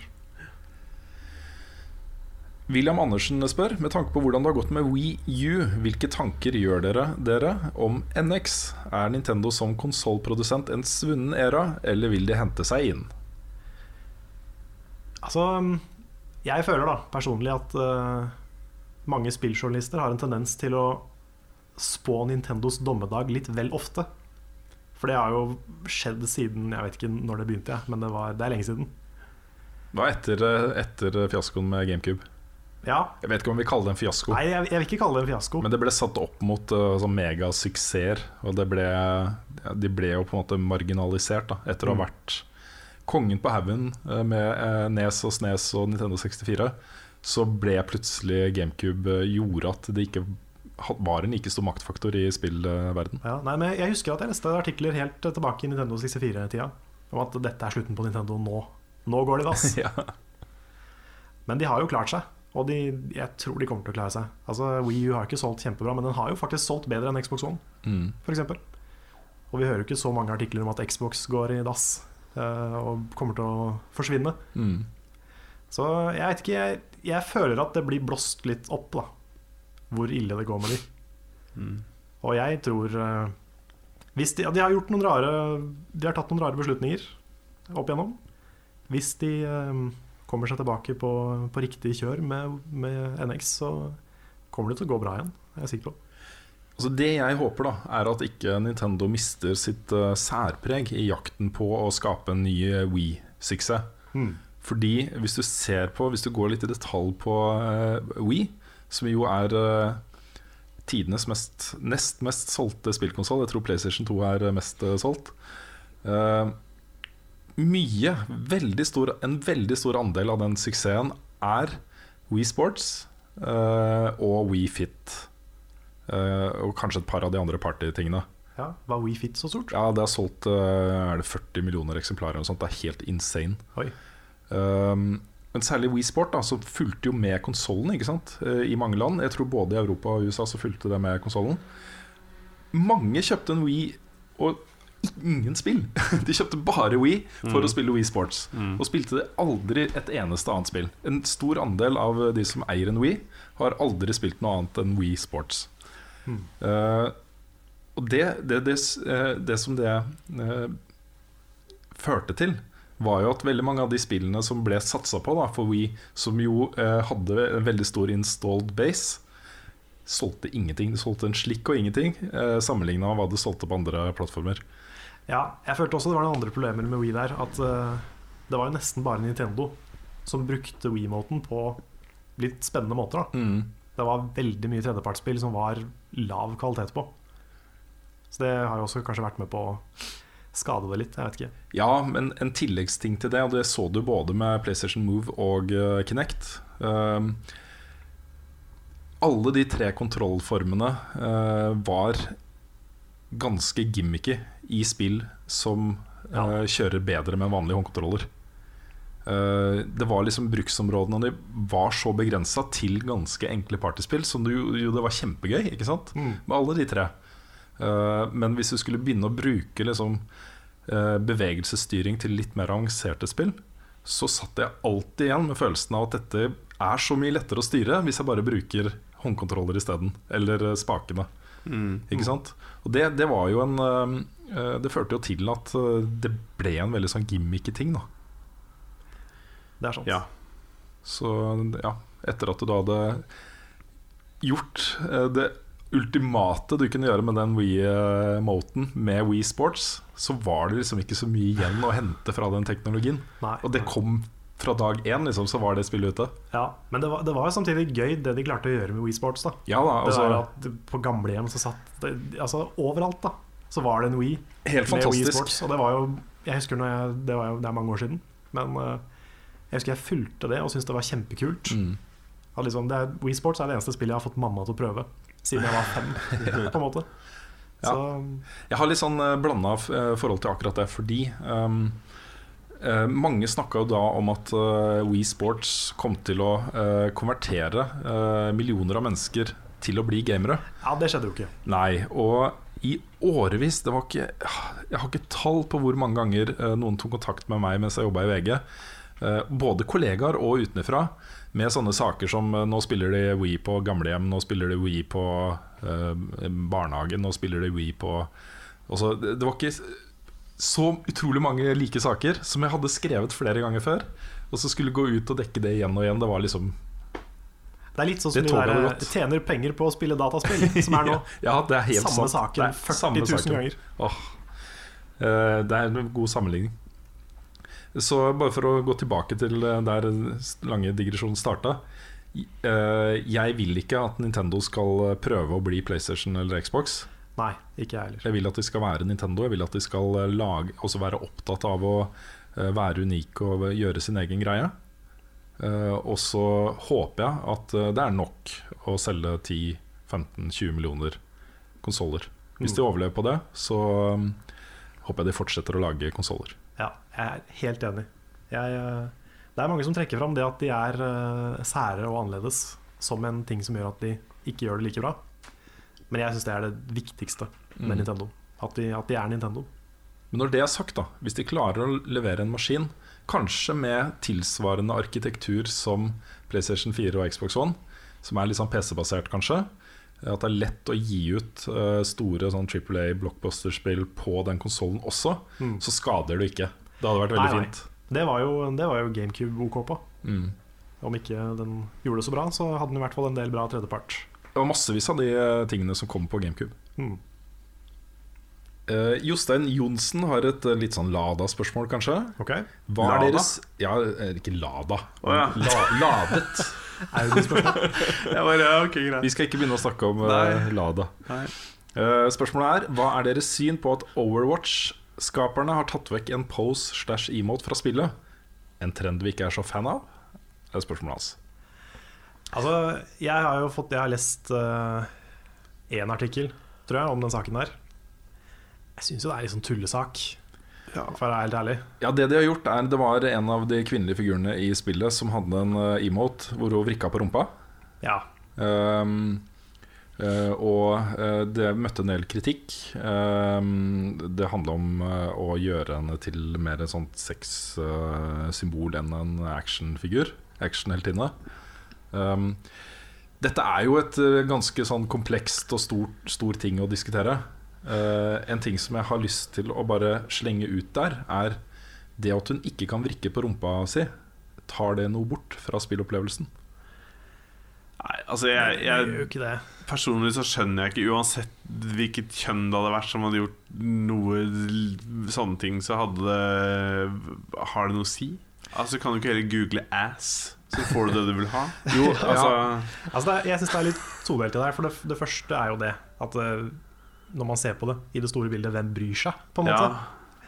Men det andre er jo at det, det som skjedde, var jo at um, det var, jeg tror det var en mamma som hadde sendt uh, post et eller annet sted. At uh, hun følte det var litt i konflikt med den uh, personligheten den figuren hadde. Mm.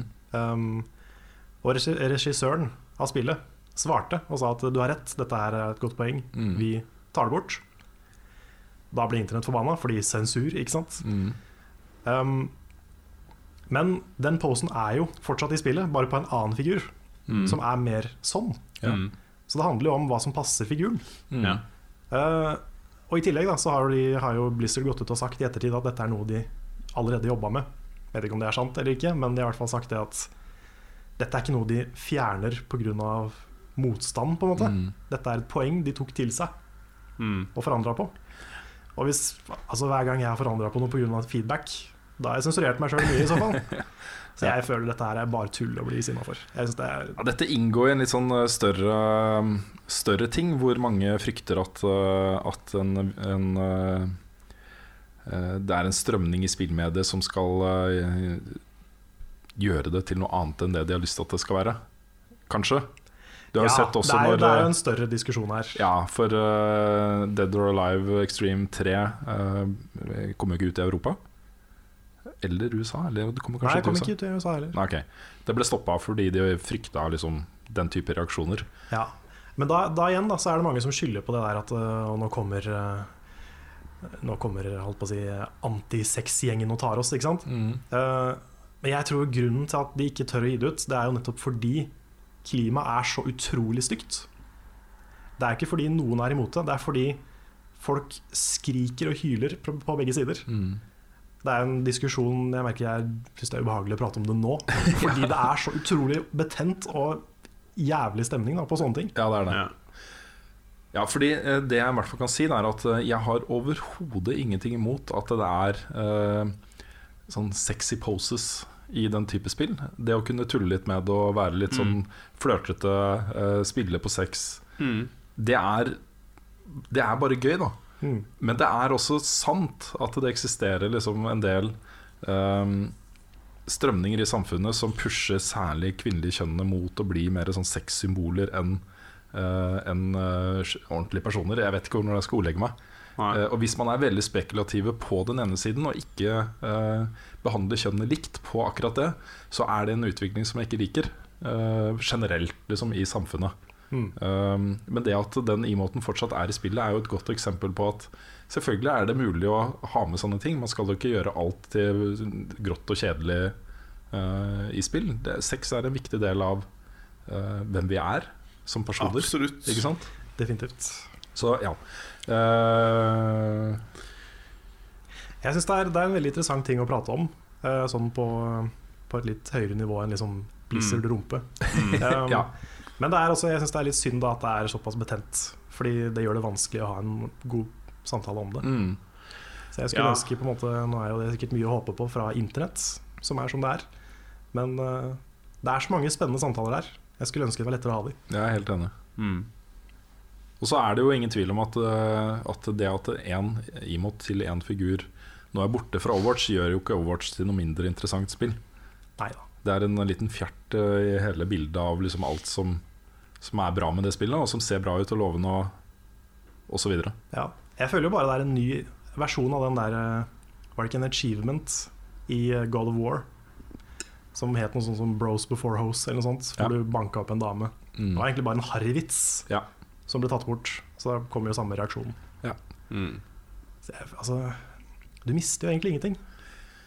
Nei, og så er det Jeg mener det er viktig å ha et bevisst forhold til, eh, til, eh, til kjønn når man lager spill. Mm. Man har et ansvar. Ja, og da er det mange som sier at ja, men spill er spill, det er ikke så farlig. Men spill er jo kultur.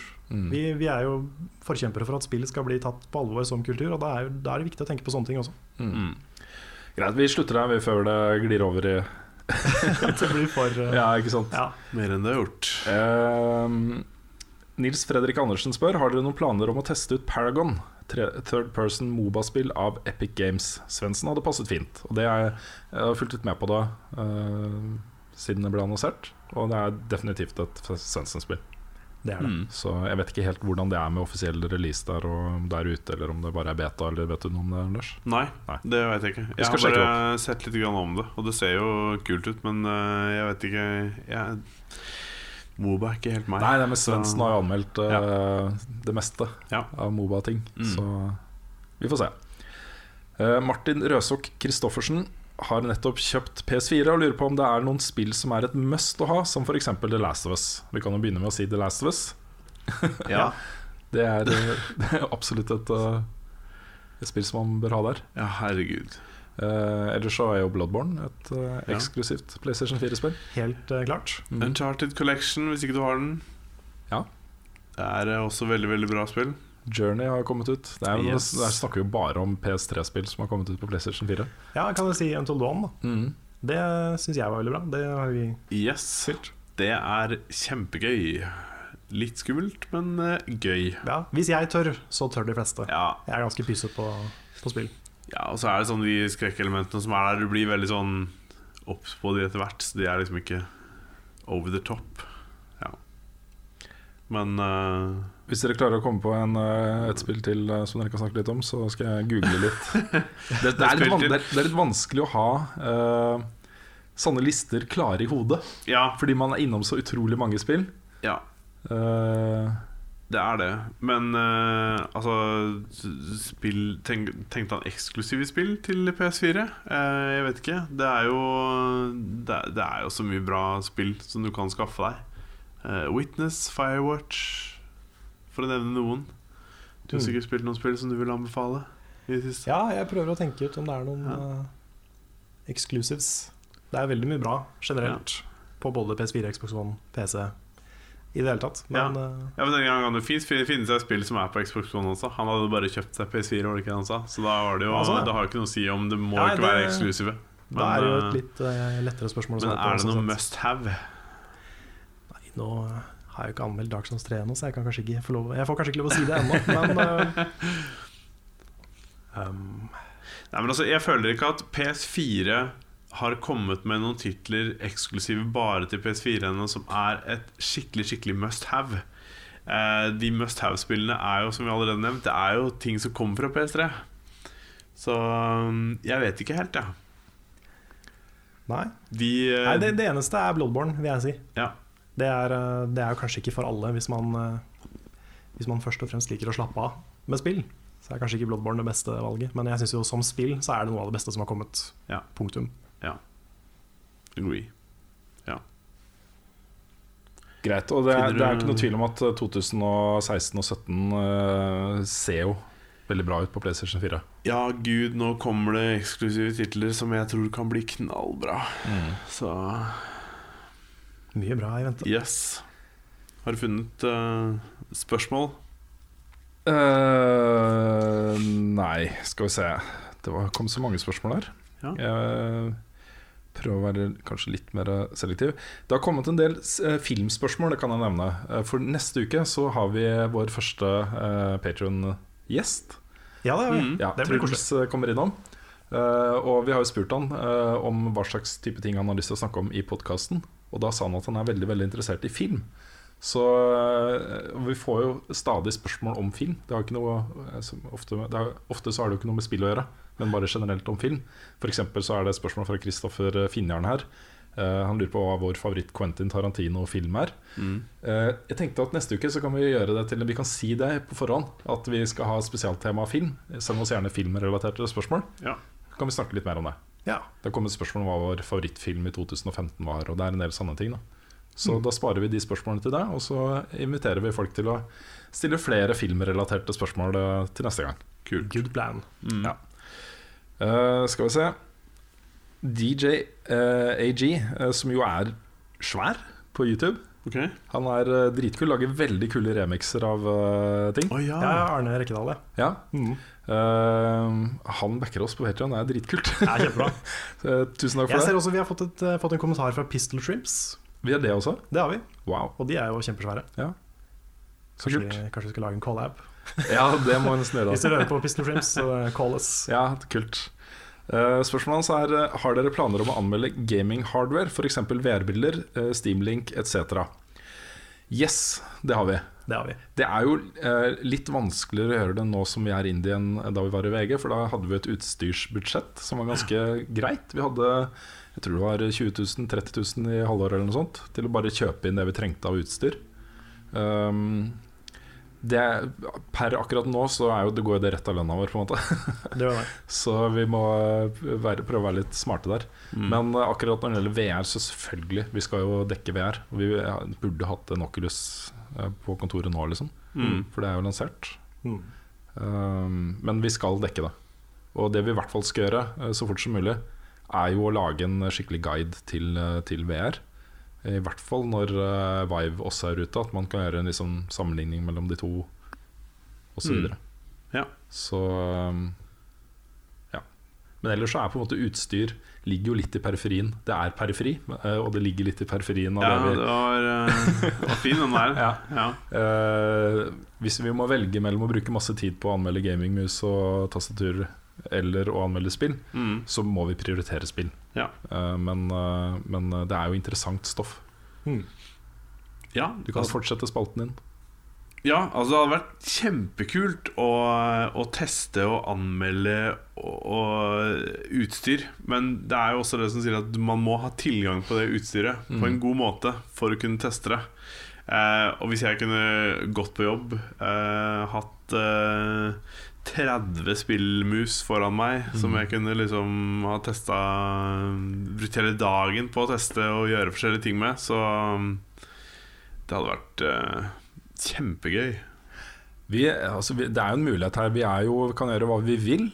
Uh, det er en mulighet til å lage et kickass uh, sånn gadget-show. Ja, Hvor man ikke nødvendigvis trenger å teste utstyr, men bare fortelle nyheter og, sånt. ja, Hvis det blir stort og mange ser på, så vil jo etter hvert folk begynne å bare sende oss ting som vi kan teste. ja, Mm. For eksempel. ja. Ja. Per nå så har vi ikke så mye internet money Nei. til å investere i så mye utstyr, men eh, nei, det, det, er en, det er en veldig spennende mulighet Mm. i fremtiden. Det, er, det står på lista over ting vi eh, kan gjøre. Mm. Eh, jeg tror vi må prøve å svare litt kort på en del spørsmål her også. Eh, Et fra Tormod eh, Gullvåg. Eh, Han skriver Jeg vil gjerne prøve The Division, men fra omtalen deres får inntrykk av at dette bare er for folk som spiller med en gjeng de kjenner. Jeg spiller alltid alene. Kan jeg fortsatt spille The Division, eller funker det dårlig? Um, jeg vil jo anbefale å spille sammen med venner. Det er bedre. Det er mye bedre. Det er mest gøy. Det er mest gøy. Du, altså Det sier seg sjøl at du får bedre opplevelser av å spille sammen med folk du kjenner. Ja. Men når det er sagt, eh, og det kommer jeg også til å, eh, til å snakke mer om i anmeldelsen min Mm. Jeg eh, spilte jo først en karakter til level 30, og så begynte jeg på en ny og holdt på å jobbe meg gjennom historien nå. Og da spiller jeg med vilje alene. Og det er fordi det å gå rundt og gjøre alle side missions og finne alle ting og plukke fra kartet og låse opp nye ting osv., det gir meg litt den der Assassin's Creed-følelsen. Jeg syns Ja. det er ganske kos. Ja. Eh, Du får mer med deg av historien. Mm. Eh, Den blir faktisk mye bedre av å spille alene, for du sitter bare og fokuserer på, på det på egen hånd. Ja. Eh, og hvis ikke målet ditt er å få det beste gearet du kan få i dette spillet, så er det faktisk ganske kos. Og en ting jeg mistenker ehm, nei, Vet du hva, det er jo hele anmeldelsen min. Men dette kunne vært, og det var originalt, en uh, lukka sandbox-opplevelse som hadde en slutt, Ja. uh, og som ikke skulle være et MMO. Det var originalideen bak The Division. Ja. Der starta det. Det er grunnmuren i spillet. Og så har de andre tingene kommet på etter at noen lanserte et annet skytespill, MMO. ja. eh. Ukjent. Ja. Men, Det er eh, ja. Ja. Nei, altså Det er helt enig. Det funker veldig bra aleine. Men når du skal komme deg eh, Har du kommet til maks level, du skal prøve de nye tingene, litt dark zone, endgame, challenge, daily, disse tingene der. Det er matchmaking på alt. Absolutt alt, til og med kan, Dark Zone. ja, så du kan finne deg en random gruppe. Men det er veldig kjipt når du finner deg en gruppe random gruppe i Dark Zone. Du går inn, har det litt gøy, finner litt lut, bla, bla. Plutselig så blir du kicka ut av gruppa di, og så tørner de på deg og dreper deg. Litt tyvegods. Eh, og får litt uh, tyvegods. Eh, og da er du litt sånn herre God damn. Så ja. Det, det er både og, altså. Det der, det greiene der. Jeg har hatt eh, noen tilfeller som har vært litt kjipe. Mm. Så Yes. Um, Vermund Holvik Hansen spør uh, Har dere sett traileren til Detroit Become Human, og hva er tankene deres rundt spill med dypere budskap? Vi skal ikke svare langt på det, for vi har snakka om det tidligere. Vi snakka om det i første eller andre level backup, var det ikke det? Ja, det kan stemme. Vi det var ganske om- tidlig. Ja. Um, At- Ja. Og kort oppsummert, vi er eh, veldig nysgjerrige på Detroit. Mm. Det ser kjempebra ut, og vi er også veldig nysgjerrige på hva uh, David Cage uh, får til nå. Mm. ja. Fordi han har hatt en utvikling, og det har skjedd ting, og osv. Og, og vi mener han har et mesterverk i seg. Ja, han er, liksom, han er ganske nærme Mm. å få til noe bra. Ja. Noe ordentlig bra. Så, så ja. Om han klarer å naile den dypere betydningen, så er jeg all in. Ja. Og sånne ting som AI og roboter i, i verden, i menneskets, menneskers liv, er jo et uh, reelt tema som kommer til å bli mer og mer viktig i årene som kommer. Uh, og jeg føler at her er det en mulighet til å ta tak i en del av de eh, moralske og samfunnsmessige problemstillingene som ligger rundt det, da, i et spill som Detroit. Så det, ja. Mm. Skal vi se. Uh, må jeg bla litt her. Et eh, spørsmål fra Alf Inge Wang, som eh, vi kjenner eh, ganske godt fra før. Eh, Det første spørsmålet er eh, til deg, Carl. Foretrekker du at andre bruker hele navnet ditt, Carl Martin, ettersom det er et navn med bindestrek? Hem. Nei, altså Jeg har Navnet mitt har gått gjennom en del faser. Jeg hadde noen kleine kallenavn på barneskolen og ungdomsskolen og videregående og diverse, men uh, etter jeg ble voksen, så har uh, folk stort sett brukt Carl, så det er greit. Det er uh, Det er det jeg foretrekker. Ja, Kort- jeg har jo alltid bare kalt deg Carl. Du presenterte deg som Carl Ja, jeg gjorde det. da vi møttes. Så det, det er, det er innafor. Um, Mats Mørk har et bra spørsmål her. Kjøttkaker eller kumle? Vet dere hva kumle er? Nei. Jeg er ikke det raspeball? Jo. Ja. eh, Sånn potetball? ja, potetballer. Ja, mm. Og så det, er- det er, jeg har jo familie da fra Stavanger. Ja. Eh, inngifta familie. Mm. Så jeg spiser jo kumle av og til når jeg er Ja. i Stavanger. Og det er jo eh, Det er jo en sånn rett som eh, får en ganske stor plass eh, i lokalsamfunnet. Liksom. Altså de stedene som det er en vanlig rett. Da. Mm. Kumle er veldig viktig. Bra kumle er liksom et, en spesialitet på restauranter og sånne ting. Ja. Og i utgangspunktet ikke så veldig åpen for å spise det, men eh, når du får eh, bra kumle, så er det, det er kjempegodt. ja. Jeg har, jeg, skal ikke skryte av at jeg har spist veldig mye av akkurat det. Så for meg så må det bli kjøttkaker, altså. Så Ja, nei, jeg tror, jeg tror ikke jeg har prøvd kumle. Men, Kjøttkake med god brunsaus og bra tyttebærsyltetøy. Eller surkål ved siden av. Ja, Herregud, ja, det er så ja, det er kjempegodt. Skummelt hvor godt det er. Morten Reinås spør hvilken companion i et spill har dere satt mest pris på? Oi. Det er jo et øh, Der er det mange å ta. Han nevner som Jesus, eksempel ja. øh, hesten i Shadow of the Colossus eller Lydia i Skyrim. Hmm. Det er jo Ja. NPC-er, non-playable characters, som blir liksom ledsagere, følgesvenner. Ja, akkurat Ja. Lydia husker jeg, for når hun forsvant Jeg husker ikke hvordan det skjedde, om hun ble drept for meg, eller hva det var. Men det var veldig sånn der, Jeg ble sånn God damn! Det her var jo ikke noe gøy. Men um, Ja. Jeg vet ikke, ass. Komme på det på sånne fot. Det er litt Ja, sånn det, det er øh. Det er jo, jeg tenker på Ellie fra The Last of Us. Hun Mm. er jo ikke bare en companion, kanskje. Nei, for du kan jo spille du kan som spille en Ja, altså. du blir jo, ja. Så øhm, Det kan du for så vidt øh, til dels i Shadow of the Colossus også. Du styrer jo hesten når du rir. ja. Som heter Midna fra Twilight Princess er utrolig kul. Mm. Um, hvis uh, det telles som en companion, så Vivi fra Final Fantasy 9 er jo en av favorittfigurene mine fra spill. Mm. mm. Mine favoritter er nok, øh, er nok uh, hun jenta i Ico og hesten i Shadow of the Colossus. Um, rett og slett fordi dette er ganske minimalistiske opplevelser. Det er, det er ikke så mye der. Uh, og de tingene som er der, får liksom ganske stor effekt. Da. Mm. Uh, Så det å uh, redde denne jenta i IK, f.eks. Det, å- det at du Hun er helt hjelpeløs.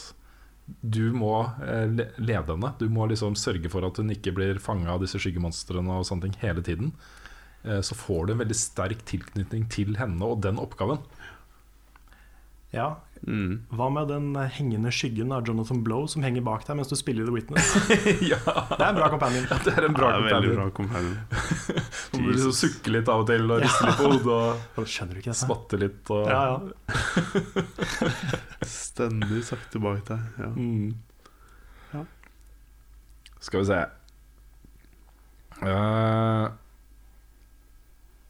Øystein Enga spør Dette går vel til Carl eh, Eller til oss andre hvis vi kan svare på det Hentet min gamle Nintendo 64 forrige helg Og til min store skrekk fant jeg ikke Mario Kart Hvor får man tak i slikt nå til dags? Hmm. Han vil ha originalspillet ja. Der Ja. finnes det jo massevis av nettbutikker Det gjør det. Det er jo mye på bare sånn type Finn QXL. Sånne Ja. ting. Fins QXL fortsatt? Det er, jeg vet ikke Nei. Men jeg kjøpte noen spill på QXL en gang, mm. så det er fullt mulig. eBay har jo masse. Massevis Uh, ellers så er det jo sånne som uh, eventer, sånn som Retrospillmessen, som er nå snart. Mm. Der selges det spill, og Spill uh, Expo eh, er det jo eh, flere av disse retrospillbutikkene, som jo har nettbutikker i Norge, Mm, som Mm. har stands. Mm. det er det. Og så er det et bra tips da hvis du er veldig opptatt av retrospill. Så har i Sverige så er det tre-fire svære retrospillmesser i året. Hvor eh, utvalget er bare sinnssykt stort, og du kan finne ting. Og særlig ting som er litt populært. Da kan du få til en ganske billig penge. Eh, Jeg vil anta at det er ganske mange Mario Kart-kopier i omløp, f.eks. Ja, det tror jeg ikke skal være vanskelig å finne. Nei.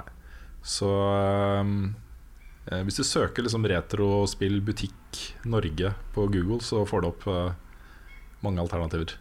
Ja, det har kommet en del sånne nye uavhengige websider Mm. Altså, Husker ikke hva de heter, men eh, de har ofte stand på messer.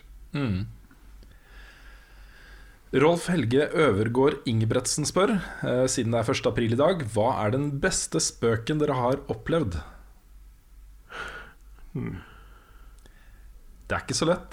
Nei. Nei, jeg nevnte jo den uh, Zelda-film-traileren til IGN for Mm. mange år siden. Den er ganske høyt oppe. Den var bra laga. Link Mm. så ut som Michael Jackson, men ellers så var det, ellers var det bra. Ja. Nei, jeg vet ikke, ass. Jeg lagde en uh, aprilsnarr en gang som eh, eh, ble en nyhetssak på Shack News. Jaha, Mm. Nei, Blues News var det faktisk. Okay. Uh, hvor vi hadde den uh, fantastiske norske klanen Polar Apocalypse Consumer Services, Pax. Uh, som vi sendte da en aprilsnarr eh, pressemelding om at vi var blitt sponsa av Razer. Det ble featured på altså ikke som toppsak, men som en av nyhetssakene på Blues News. Blues News var jo eh, den store, kule eh, gaming news-siden eh, sånn mange, mange, mange år siden.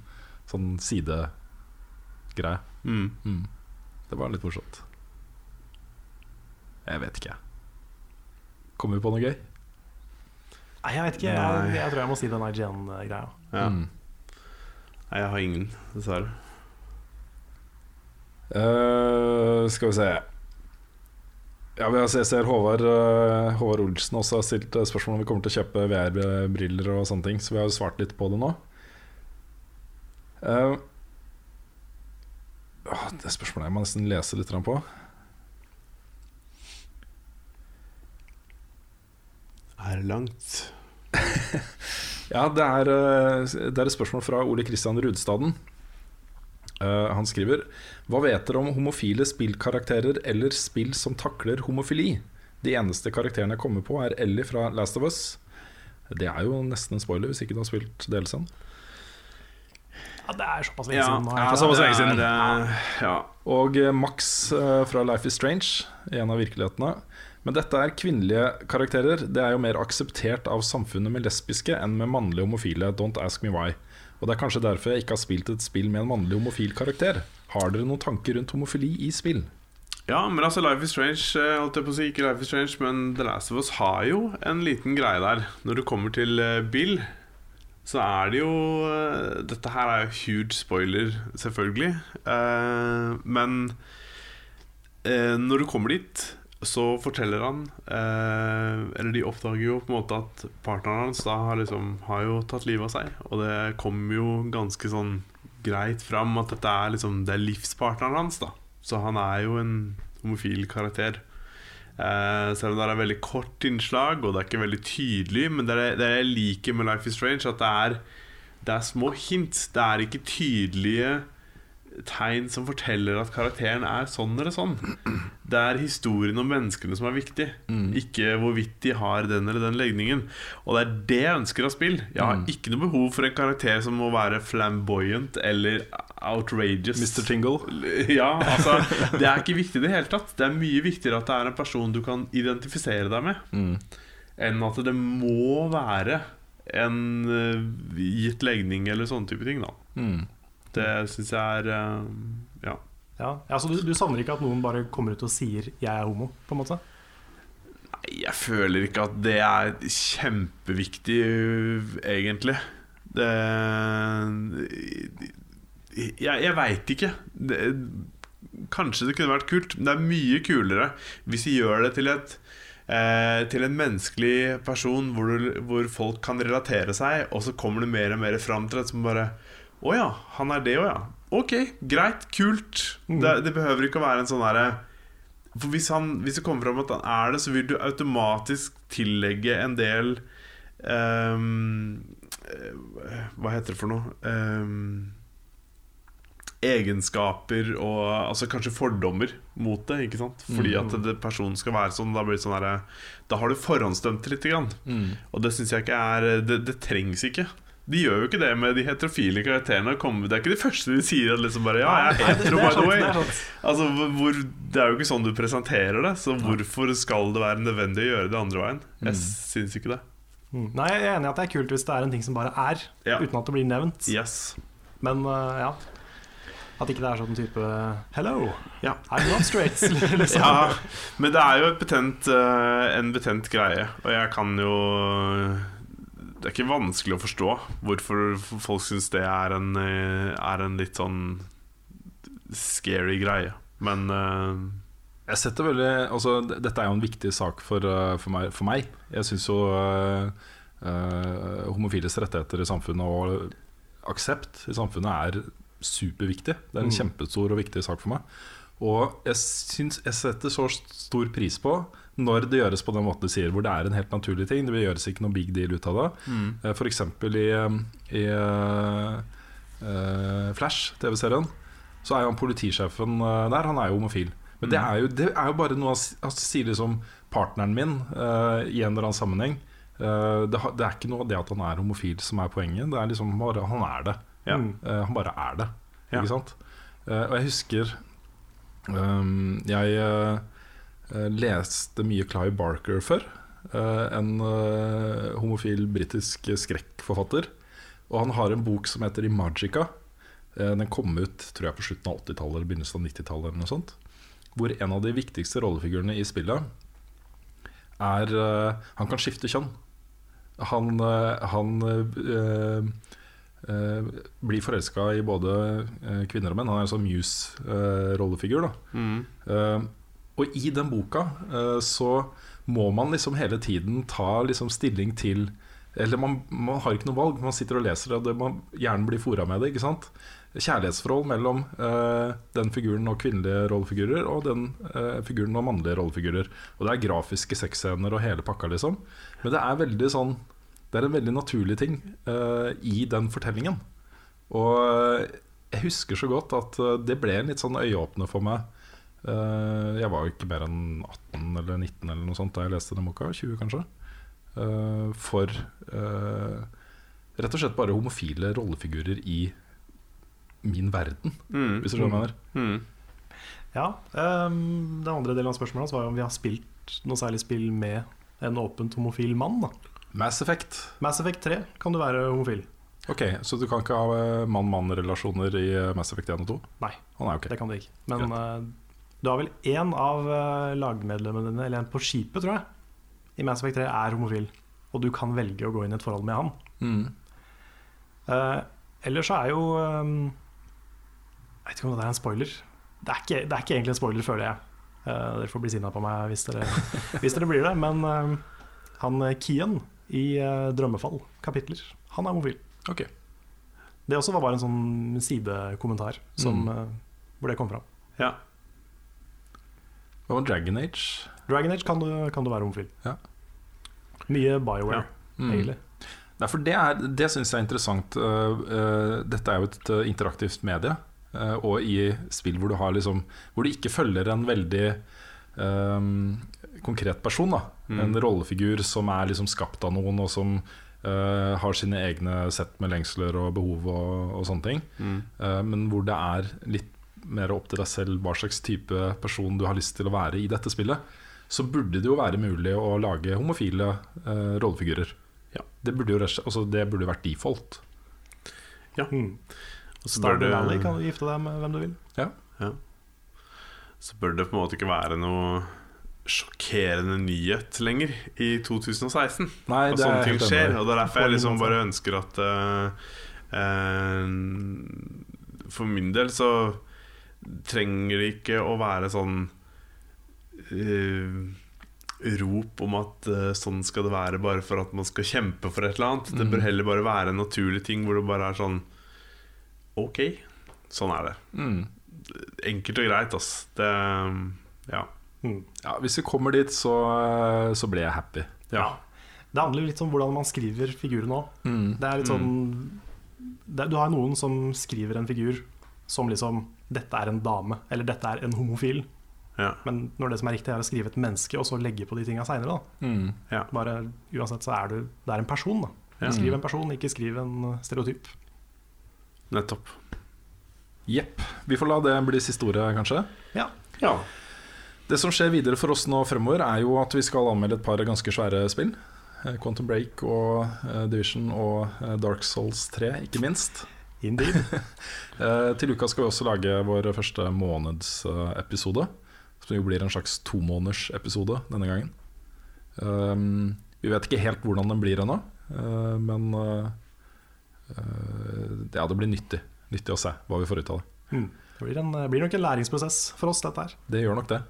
Jeg skal også eh, bruke en eh, store deler av helgen til juryering av Nordic Game Awards. som jeg sitter i juryen på. Det, det, er liksom, det, det har vært altfor mye for meg de siste par ukene, rett og slett.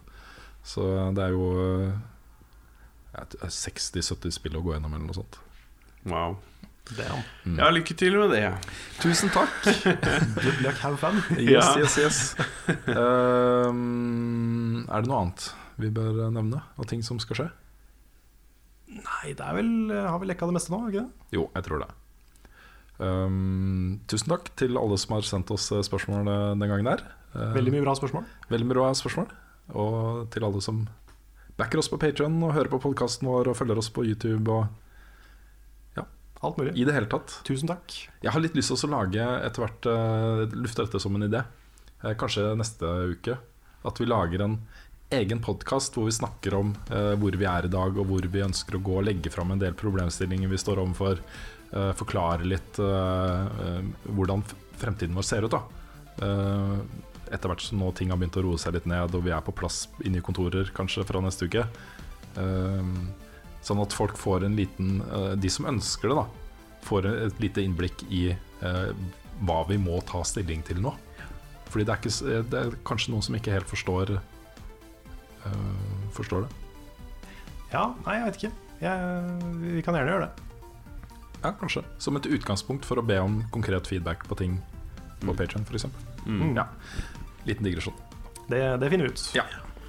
Yes. Nei, men Da gjenstår det vel bare å eh, nok en gang takke alle som har eh, hørt på. Alle på Patrion osv. Det har vi gjort allerede, så det er kanskje dumt å gjøre det en gang til. Vi sier ha det, vi. Ha det bra! Ha det bra!